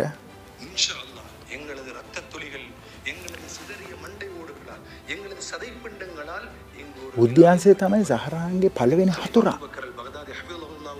එකන එයා දන්නව එයාව ජමීල්ල ඔක්කොම කණ්ඩෑම ආවේක්ෂණ මේ බැලෙනවා මේ ගොලන් පසුපස ඉන්නෝ කියලා දන්න. ඔවු දැම් බලන්න ය විඩියුව එක කියන එක. දැන් මේ ඔක්කොමත් එක්ක දැන් සහරාන් කරන ප්‍රකාශයනුත් එක්ක බැලුවන් පස්සේ. මෙයාට මේක සල්ලියාව කොහෙන්ද මෙහිම ප්‍රහාරයක් කෙල්ල කරන්න. සහරාන් පාස්කු ඉරිද ප්‍රහාරය එල්ල කරන්න රුපියල් ලක්ස හරසීයක් පන්සියක් අතර ප්‍රමාණයක් ඊබ්‍රහම් හජ්ජයාර කියරාර කුළු බඩ මේ බිස්නසයක් කරන දෙමට ගොඩ යා තමයි මංහිතන ලංකාවේ පලවෙනි ස්පයිස් ට්‍රේඩ එයාගේ පුතු දෙන්න හිටිය. එකනෙක් ඉල්හාම් අනිත් එක්කෙන ඉන්ශා් මේ ඉල්හාම් තමයි ශැංගරිල්ලා වල එයට එක කරේ. ඉන්සාෆ් තමයි මේ සිනමන් ග්‍රෑන්ඩ් එක කර. ඉල්හම්ගේ බිරිද තමයි මහවිල් ගාඩන්ස් වල පොලිසිය ගිහාම එයා ළමෙක් හම්බෙන්න හිටපු අම්ම කෙනෙක්. උයි යාගේ පුත්තු දෙන්නත් පුත්තු තුන් දෙනත් එක්කම එයා ඒ මරාගන මැරණ ප්‍රහාරයක් එල්ල කර. ඒකින් පොලිසිය තුන් දෙනෙකුත් මැරුණා. එකන එයාත් මේ කණ්ඩායමේ හිඳල තියෙනවා. ඔවු එයා ඔය කාන්තාව විදිර පේන අය ඒ එයා දෙත කාන්තාව කිදෙන කිදල් තියෙන. එයා මේ එයාගෙනම ෆතිම ජිෆ්‍රී. එයා මේ බයත් එකට එයා වෙන හැබැයි ඉල්හාම් ඩෙකල්තන් බැක්පැක් එකයි ලීටර් එකා මාරක බෝතලයකට එක්ස්පෝසිස් දාලා ගිහිල්ල යාට ගෙන්ල දීලා තිබුණා පානදුර සේ ෆවස් එක ඉදලා මොකදම පානදුර සේ ෆවස් එක හිටපු රිස්කාන්ට මං කතා කර ඉතින් මේ ගෑන් මේ ස්ත්‍රියත් ඒ අන්තවාදී පැත්තට ගිහිලා තියෙනවා. එයා කොච්චර අන්තවාදයට ගියා කිව්වොත් මම කියන්න කැමතියි. මෙයා මේ එකැන ඉල්හාම්ගේ බිරිඳ ඒ එතන පුපුරෝගත්ත බිරිඳ එයා අහන්නේ අර අබු මුසබ් අසකාවිගේ කතා අහනවා ඊළඟට ජිහාඩ් නශීඩ් එකන්නේ ජිහාඩ් පිළිබඳව සින්දු අහනවා. ඔය එයා එයාගේ දෙමවපියන් තත් කියලා තියෙනවා අන්‍ය ආගමකයන්ට මේ ආධාර මොනවත් දෙන්න එපා කියලා. මොකද එයාගේ අම්මයි තාත්තයි. ඔය එයාගේ අම්මයි තාත්තයි හුඟක් පන්සල් වලට උදව් කරපු අය. ඊළඟට එයා කියලා තියෙනවා ඉබ්‍රහිම් හජ්ජියාර්ටත් ඒ පව් ඒ පවුලේ අයටත් කියලා තියෙනවා. ඒ කියන්නේ ඉල්හම්ගේ අම්ම තාත්තටත් කියලා තියෙනවා. අපේ ආගම නියම විදියට නම් මේ අන්‍ය ආගමික අයට මුදල් මොනවත් දෙන්න පා කියලා. ඒ කියන්නේ එයාත් ඒ අන්තවාදී ඒ කුණටම ගිය පුද්ගලෙක්. ඒතර අනික් කෙනාගේ බිරිඳ. අනිත් එක්කනාගේ බිරිඳ මම දැකලා තියෙනවා. මම එයාට කතා කරේ නැහැ. හැබැයි එයා ඒ පැත්තට ගිහිලා නැහැ. ඒ කියන්නේ අලවුඩීන් ජුවෙලර්ස් ලගේ එයාගේ දියනිය එයා ඒ පැත්තර ගිහිලන එතකොට එයා දැනගෙන ඉඳලා තියෙනවා හැබැයි මේගොල්ලෝ මෙහෙම? නෑ එයා එයා දන්නෙත් නැහැ. මෙයා අන්තවාදි පැත්තට යනවා කියලා. උයි ඉන්ශාෆ් එයාව ඒ අන්තවාදි පැත්තට ගන්නත් තැත් කරල නැහැ. නමුත් ඉල්හාම්ගෙ බිරිඳ ඒ එයාට ඉන්න ළමයිවුත් ස්කෝල්ටරල නෑ පාසල්ටර නෑ කියල් තියෙන අපි ගෙදර තමයි ගුණුවම කරන්න ඕනේ පාසල්ටරෙන් හොඳ නෑ උයි එන්නත් කිරීමත් නතර කරලා තියෙනවා. ඒ කියන්නේ සලාපි වහබීසම් පැත්තේ අන්තිම ඔබ්බටම කොනේමින් කොනේම එක්කෙනෙක්. එතවටද මේ කාන්තාව අතරින් දැක කාන්තාව මේ පුරගැනීම සිදුනා මුදල් හම්බෙච්ච විදිහ කිව්වා තැන් සාරා ජෙස්පීන් සම්බන්ධයෙන් පැහැදිලි අවධානයක් යොමු වෙනවා කාන්තාවක් ඉදිරි. ඔය කියන කෙනා එමන්නතම් සාර ජෙස්මීන් කියලා හඳුන්නන්නේ පුලස්තිරී මහේන්ද්‍ර දමිල ජාතික කාන්තාවක්. ඇතම ඉන්දියාවට පැනගිය කෙනා විදිහට සලකන්නේ පාස්ක කොමිසම විදි මේ සමඳ විශේෂ පරීක්ෂණයක් කන අදාල කෙනා එට උදව් කරපු අය සම්බන්ධය පරීක්ෂාවක් කරනවා. ඇය මැරුණද නැද්ද.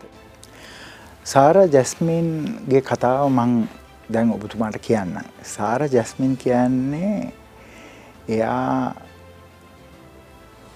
හස්තුූන්න බැන්ද. එයා හින්දු භක්තිකෙක් එයා ඉස්ලාම් ආගමට ආවා අබ්දුල් රාසික් කියල කෙනෙක් සිලෝන් තවහිත් ජමාත් එකේ නායකය වසයෙන් හිටපු කෙනෙක් නමුත් අබ්දුල් රාසික් ශ්‍රී ලංක තවහි ජමාත් එක ඉන්නකොට තමයි මෙයා ඉස්ලාම ආගම පැත්තට ආවේ. එතකොට මේ සාර ජැස්මින් කියන එක්කෙන පාස්කුවිරත ප්‍රහාරයට පස්සේ එයාගේ මේ මහත්තයා හස්තුන් මිය යනවා කටුව පිටේ ඊට පස්සේ මෙයා යනවා මේ සයින්ද මරුදු එසේ ෆෞසකට ඒ ආරක්ෂිත නිවාසයට.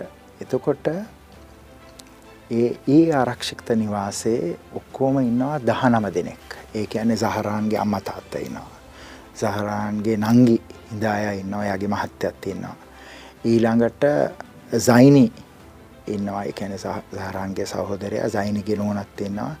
ඊළඟට රිල්වාන් ඉන්නවා. රිල්වාන්ගේ ළමයි උත්තින්න මේ ඔක්කොම කට්ටියගේ ළමයි උත්තින්නවා ඊළඟට නියාස් කියලෙක් කෙනෙක් ඉන්නවා. ඒ නැගෙනහිර බලාතනායකයා එයා ඒ කට්ටි ඔක්කොම ඉන්නේ ඒ සවසේ ෆෞසක ඉරට හාදිය. සහරන්ගේ විරිඳත් තියෙනවා සහරන්ගේ ළමයි දෙන්න කියන පිරිම් ළමෙක්කුයි ගෑන් ළමෙක්කුයි. නමුත් මේ ප්‍රහාරය ඇති වෙනකොට මෙතිනින් බේරෙන්නේ හාදිය. උයි හාදයාගේ දුව විතරයි. එදන බේරණි කොහොම දත්ත මොකද හාදිය මට කිව්වා මම මැරෙන්න බයයි කියලා. හැබැයි හාදයාගේ මම ඔක්කෝම ස්ටේට්මන්ස් කියලා තියෙන හාදයා ස්ටේට්මන්ට් දෙකක් දීලා තියෙනවා කැකුණු ගොල්ල ඉන්නකොට.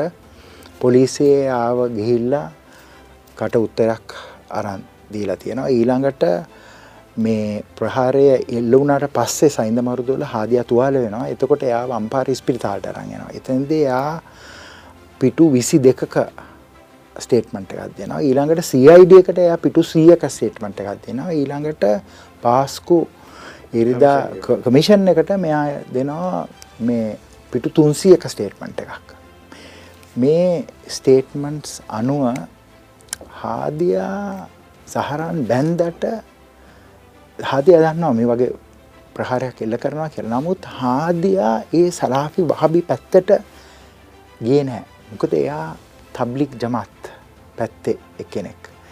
දැන් හාදියා කැමති නැහැ මේ ප්‍රහාරයට. ඉතින් හාදියා පුතාවයි දුවවයි දෙන්නම අරන් එන්න. ඒ කණ්ඩායම දැන් එතන දැන් Facebook එකේ අපි වීඩියෝ එක දකිනවනේ. ඒතර එකතු වෙලා ඉන්නවනේ. ඒ එකතු වෙච්ච පොකුර මෙයා ඉන්නේ නැහැ. ඒ එකතු වෙච්චේ පොකුරෙන් මෙයා ගැලවිලා යනවා මොකද මෙයාගොල නොදැනුවත් හාදයාට කියනවා එන්න එන්න අපිත් එක් එන්න ස්වර්ගයට යන්න කියලා. මොකද මේ කට්ටිය මේ සයින්ද මරුදු කණ්ඩායම ඒ සහරන්ගේ කණ්ඩායම ඒ කට්ටි ඔක්කොම් විශ්වාස කරනවා මේ ගොල්ලන් මරාගන මැරුණොත් මේ ගොලන් ස්වර්ගයට යනවා අල්ලා දෙවියන් වහන්සේ හම්බුවෙනවා ඒ ගොලන්ගේ පව් සමාවෙනවා ඊළඟට මේ ඒගොලන්ගේ මේ පවුලේ අය ඔක්කොම හැත්තෑ වගේ යාලෝ හැත්ත දෙන කරගෙනත් ස්වර්ගයට යන්න පුළුවන් ඔයි කන්‍යාවන් හැත්ත දෙකක් හම්බවෙනවා කියලා. මේ විශ්වාසයෙන් තමයි මේ කට්ටේ එන්නේ. ඉතින් මම කියන්න කැමති හාදිය මේවා විශ්වාස කරන්න මොකද හාදිය සම්ප්‍රදායක ඉස්ලාම් ආගමෙන් ආපු කෙනෙක්. උයි හාදිය කීප පාරක් සහරන් දාලත් යන්න හදනවා. හාදයාගේ දෙමවපියමුත් කැමති නෑ මෙයා සහරහන්ත එක්ක දෙදස් දාහතේ සහරන් අර සිද්ධියකට පස්සේ අන්ඩග්‍රවුන්් යන්නවන ඊට පස්සේ ඒ සම්බන්ධකමට කැමති නැහැ. ඉතිං හාදයා මෙතනින් ගැලවිලෙනවා දැන් සාධියත් අපිට කියනවා මේ පුලස්සිනි මහේන්දරන් නොහොත් සාර ජැස්මින් මෙතන හිටිය කියලා. මම කියන්න කැමති නමුත් DNA ටෙස්ට් කරලා තියෙනවා දෙපාරක්. ඒ ටෙස්ට් එකේ පළවෙනි ටෙස්ට් එක කරාම කවුරුවත් DNA වලින් ගැලපෙන්නේ දෙවනි ටෙස්ට් එක කරාම සාරා ජැස්මින්ගේ DNAත් එයාගේ අම්මගේ DNAත් එක තමයි මේ බොඩි ටෙස්ට් කරන්නේ. ඒ DNA ගැලපෙන්නේ දැන් පොලිසියෙන් රික්වෙස්ට් එකක් කරලා තියෙනවා මේ අධිකරණයට මහා අධිකරණයට ගිහිල්ලා ආයෙත් ඒ ශරීර කොටස් අරගෙන DNA ටෙස්ට් එකක් කරන්න. ඒකැන ඔබ හිතනවද එතන ඉඳලා මේ පුලස්තිනී කියන කෙනා මිය ගියා කියලා. අපිට ඒක කියන්න බෑ මොකද අපි ඒ DNA ටෙස්ට් එක වෙනකන් එනකන් ඉන්න ඕනේ. DNA කියන්නේ 100ට 100ක් හරියට කියන්න පුළුවන්. නමුත් ඒ DNA ටෙස්ට් එක හරියට කරන්න ඕනේ. ඔක්කොම බොඩිස් අරගෙන ඒ ජාන මැච් වෙනවද කියලා කරන්න ඕනේ. ඒක කරලා නැහැ. ඒ තුන්වෙනි එක කරාට පස්සේ තමයි කියන්න පුළුවන් 100ට 100ක්. නමුත් නමුත් ආදියාගේ ටෙස්ටිමනි එක අනුව මේ සාර ජස්මින් එතන ඉඳලා තියෙනවා. උයි සාර ජස්මින්ගේ පර්ස් එකත් හම්බෙලා තියෙනවා. යාගේ ID කාඩ් එකත් හම්බ වෙනවා. නමුත් අපි DNA රිපෝට් එක එනකන් ඒක පිළිබඳව අපි කතා කරන එකත් වැරදි. එතකොට සොනික් කියන පුද්ගලයා කවුද? මේ සොනික් සොනික් කියන කෙනා. සොනික් සොනික් කියන්නේ අපේ ඔත්තු සේවයක හිටපු නිලධාරියෙක්. එයා ග්‍රවුන්ඩ් ලෙවල් ඔපරේටර් කෙනෙක්. දැන් සොනික් සොනික්ලා 100ක්වත් ඉන්නවා අඩු ගානේ. මොකද සොනික් සොනික් කියන්නේ අර අබුහින්ද් වගේ ඒ අවතාර්ස් හදනවා. උතුසේව වලින් ලෝකයේ හැමතැනම උතුසේව වලින් ඒ අවතාර්ස් හදනවා. ඇසියුම් නේම්ස් දාලා හදනවා ඒ ඔපරේටර්ස්ලා. ඒ කට්ටිය කනෙක්ට් වෙනවා ලින්ක් වෙනවා සම්බන්ධ කරණයක් ඇති කරගන්නවා ඒ මුස්ලිම් අන්තවාදීන්ත එක්ක. කළා ඒ අයත් එක මිත්‍රත්වයක් මේ හදලා එයාගෙන් තොරතුරු ගන්නවා. දැන් CIA එක කරනවා මේක. බ්‍රිතාන්‍යයේ MI5 MI6 කරනවා. ඕස්ට්‍රේලියාවේ ACO ACIS කරනවා. ඉන්දියාවේ රෝ සංවිධානයෙන් උත් ඒ කරනවා. ඉතින් මේ ඔත්තු ගන්න ක්‍රමයක් තමයි ඒ එක එක වර්චුවල් පර්සනැලිටිස් හදන එක. දැන් සොනික් සොනික් කියන පුද්ගලයා ඒ කියන්නේ ඒ වර්චුවල් පර්සනැලිටි එක එයා එයා හැදුවා ලින්ක් එකක් මේ මාතලේ සහරන් කියලා කෙනෙක්ට. මාතලේ සහරන් කියන්නේ එයාට තව නමක් අපි කියනවා එයාට අපි කියන්නේ පුංචි සහරන් කියලා. මෙයාත් මැද පෙරදිග එක රටක හිටියා. එයා එතන ඉඳලා එයා හදනවා එයාගේ සහෝදරයත් එක්ක යන්න ඇෆ්ගනිස්තානයට. ඇෆ්ගනිස්තානයේ තියෙනවා ඉස්ලාමික් ස්ටේට් ඔපරේට් කරන තැනක් නංගහර කියලා. ඒ නංගහර ප්‍රදේශයට යන්න. ඒ නමුත් එයා ගියේ නැහැ. එයා ඊට ඉස්සෙල්ලා එයා එනවා ලංකාවට. එයා ලංකාවට එනවා හැබැයි එයා එයාත් එක්කත් මේ සොනික් සොනික් කියන පුද්ගලයා කනෙක්ෂණයක් හදනවා උත්තු ගන්න. ඉතින් මේ සොනික් සොනික් ඔපරේෂන් කරපු එක කිසිම වැරද්දක් නැහැ. මොකද හැම උතු සේවයම ලෝකේ ඒ ත්‍රස්තවාදී ඒ ජාලයට ඇතුළට ගිහිල්ලා ඒකෙන් කට්ටිය තෙක්ක සාකච්ඡා කරනවා. ඒ සාකච්ඡා කරන්නේ ඒ විස්තර ගන්න එතකොට ඊළඟ ත්‍රස්වාදී ප්‍රහාරය නතර කරන්න. අපි ලෝකයෙන් බලන් ඉන්න මොහොතක් මේ වෙලාද. තොට හැබැයි අපිට බැරිවුණා තාමත් තීන්දු තීරණ ගන්න මේ අයට නීතිය ක්‍රියාත්මක කන්න.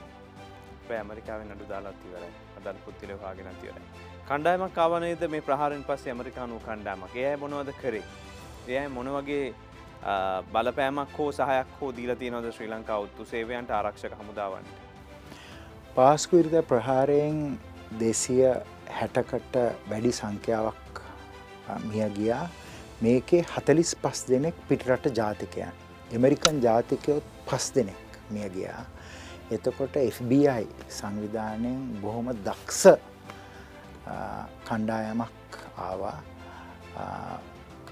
ඊළඟට ඉන්ටපෝල් සංවිධානයෙන් බොහොම දක්ෂ සංවිධානය කට්ටියක් ආව නිවස් කොට්ලන් යාඩ් එකෙන් ආව NP national police agency Japan ජපානෙන් උත්තාව කණ්ඩායම ඉන්දියාවෙන් උත්තාව කණ්ඩායමක් ඉතින් මේ පිටරට පොලිස් ඉන්වස්ටිගේටව ඉන්ටලිජන් සවිසස් වලින් ලංකාවට ආපු එක ඒ ආවේ ඒගුලන්ගේ ජාතිකයන්ට මොකක්ද වනේ කියලා බලන්න. උයි අනිත් එක මොනහරි සහයක් දෙන්න පුළුවන්නම් ඒ සහය දෙන්න. දැන් FBI එකෙන් ඒ කට්ටි ආවට පස්සේ ඒගොලන් සාකච්ඡා කරා නව්ෆත් එක්ක. නව්ෝ ඒගොලන් ඉන්ටව කරා මිල්හන්ව ඉන්ටව කර රිස්කාන්ම ඉන්ටව කර තවත් කට ඉන්ටව කර. නමුත් මේ තුන් දෙනාට විරුද්ධව දැන් US ඩිපර්ටමට ජස්ටිස් එකන් ඇමරිකානු නීතිපති ඒ අමාත්‍යන්සයෙන් නඩු පවරල තියෙන මම කැමති ඔබට පෙන්නුම් කරන්න මේ ඒ පිළිබඳව මේ US ජස්ටිස් ඩිපාර්ට්මෙන්ටකින් දා මේ රෙප්‍රසෙන්ට් කරන ඒ ඩොකිමන්ට් එක. මේක අනුව මිල්හාන් එකන්නේ අයිස් සංවිධානයේ සන්නද්ධන්සේ නායකයා මෙහෙ. එයා තමයි තස්ලිම්ට වෙඩි තිබ්බේ. ඊළඟට එයා තමයි මේ වවුන තිව්වල අර මේ රාලහමිලා දෙන්න. ගානය ඝාතනය කර තුවක්කො ගත්තේ පිස්තෝල දෙයක් ගත්තා. ඊළඟට නෞෆ. මේ FBI ඩොකමන්ට කියන නෞෆ තමයි මේක. අයිඩියලෝජයක ගෙනාවේ නෞෆ තමයි කට්ටිය බඳවා ගත්තේ ඊළඟට කට්ටියට පුහුණු කරේ කියලා. තොට මේ ඇමරිකානු රාජ දෙපාත්ම දොන ඇමරිකාන මේක එමරිකන් ජස්තිස් දෙපාන එක නීතිපති දෙපාත ඒගොල් නිතිපති දෙපාර්තුමේන්තුව පිළිගන්න විතර මේ ප්‍රහාරයේ මහමොල කරු නව්ව ඕ මොකද මේකේ සඳහන් වෙනවා නෞෆ තමයි මේ අයිඩියලෝජික ගෙනාවේ උයි නෞෆ තමයි රෙකරූට්මන් කරේ ඒක විතරන්න නෙවේ නෞෆ තමයි පන්ති පැවත්වේ මංකිව නෞෆ පන්ති පැවත්තුවා. හම්මන්තොට ඊළඟට නුවරියල බ්ලක්පූල් අරුප්පොල. මෙම ඇහන් බයිති ප්‍රශ්න එකන නව්ෆට සල්ලි දීලා එක්ක නව්ෆ කැමති නැති වුණා. සහරාන්ට සල්ලි දීලා. මේ එළමෙන දේශ ශන්තිති මැතිවරණ වාසිය ලබාගන්න හෝ වෙනත් දෙයක් වෙන යම් කණ්ඩායමක් මේ අය හැසිරෙව්ව කිය දැ මම ඔබතුමාගෙන් හන්න කැමති ප්‍රශ්නයක් දැන් සහරන් වගේ එකනෙට කොච්චර මුදල් දුන්නත් එයා ගිහිල්ල සියදී විනසා ගන්නවාද? මේ රජයක් වෙනුවෙන්. කැන ආණ්ඩුව නිල්ධාරින් නැත්තන් දේශ පාලක්ඥයන් වෙනුවෙන් නෑනේ එයා සියදී නසාගත්තෙන් මොකද එයා ස්තරේම විශ්වාස කරනවා. එයා සියදීවී නසා ගත්තොත් අන්‍ය ආගමකයන්ට පහරදීල එයා ස්වර්ගයට යනවා කියලා. මේ වගේ ප්‍රහාර කොච්චර එල්ල වෙනවාද? හැම්ම දාම එක්ක අල්කයිඩ සංවිධානය නැත්තං ඉස්ලාමික් ස්ටේට් සංවිධානය. හැමදාම ප්‍රහාරයක් ඇතිවෙන කියන මම කියන්නේ සාධකන්නුව සහරාන් කතා කරන විදිහට සහරාන් කියන්නේ මේ ප්‍රහාරයා එල්ල කරන්නේ මේ මේ හේතුන් නිසා කියලා.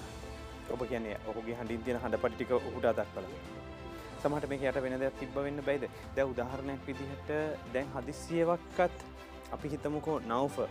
එතට නව්ෆ දනම් හිටිය නැද මේගොල් ප්‍රහර එල්ල කරනවා කිය නෞෆ දන්න මොකද නෞෆ සියට සියක් දන්නවා මේ ගහන්න කොහිටද? ප්‍රහර එල්ල වෙන දන්නවා මේ කට්ටිය මේ බෙඩි බෙහෙත් ඒව ඔක්කොම හදනවා. ඒ හදන අයත් කෞද කියලත් දන්න ඒ නෙට්වක් එක පිළිම දන්න නෞෆ ඉන්න සේෆවස් එකේ එඩේරමුල්ල සේෆවස් එකේ ඒක සහරාන් එතැන්ට ඇවිල නෞෆත් එක සාකච්ඡා කරනවා මාර්තු මාසේ. අප්‍රේල් විසි එක ප්‍රහාරය මාර්තු මාසි සහරන් හම්බෙන ඒ දෙන්න බොහොම සමීපව වැඩකරපු දෙන්න නෞෆ තමයි සෙකන්ඩ් එමිය සෙක එමිය කියන්න එමිය කියන්නේ අමීර් අමිර් කියන නායකයා. දෙවනි නායකයා තමයි නෞෆ. නමුත් නෞෆගේ ප්ලෑන් එක ලොකු ප්ලෑන් එකක්. හැම දිස්තිර්කම ගහන්න. සහරාන්ට ඕන ඉක්මන්ටම ප්‍රහාරය එල්ල කරන්න. වගේ. ඔව. එයා න්‍යාචරක තිරටිෂන් එක තමයි හරි වචනය. ඒකන ඇන්ටන් බාලසිංහමිටිය ප්‍රභාකරන්ට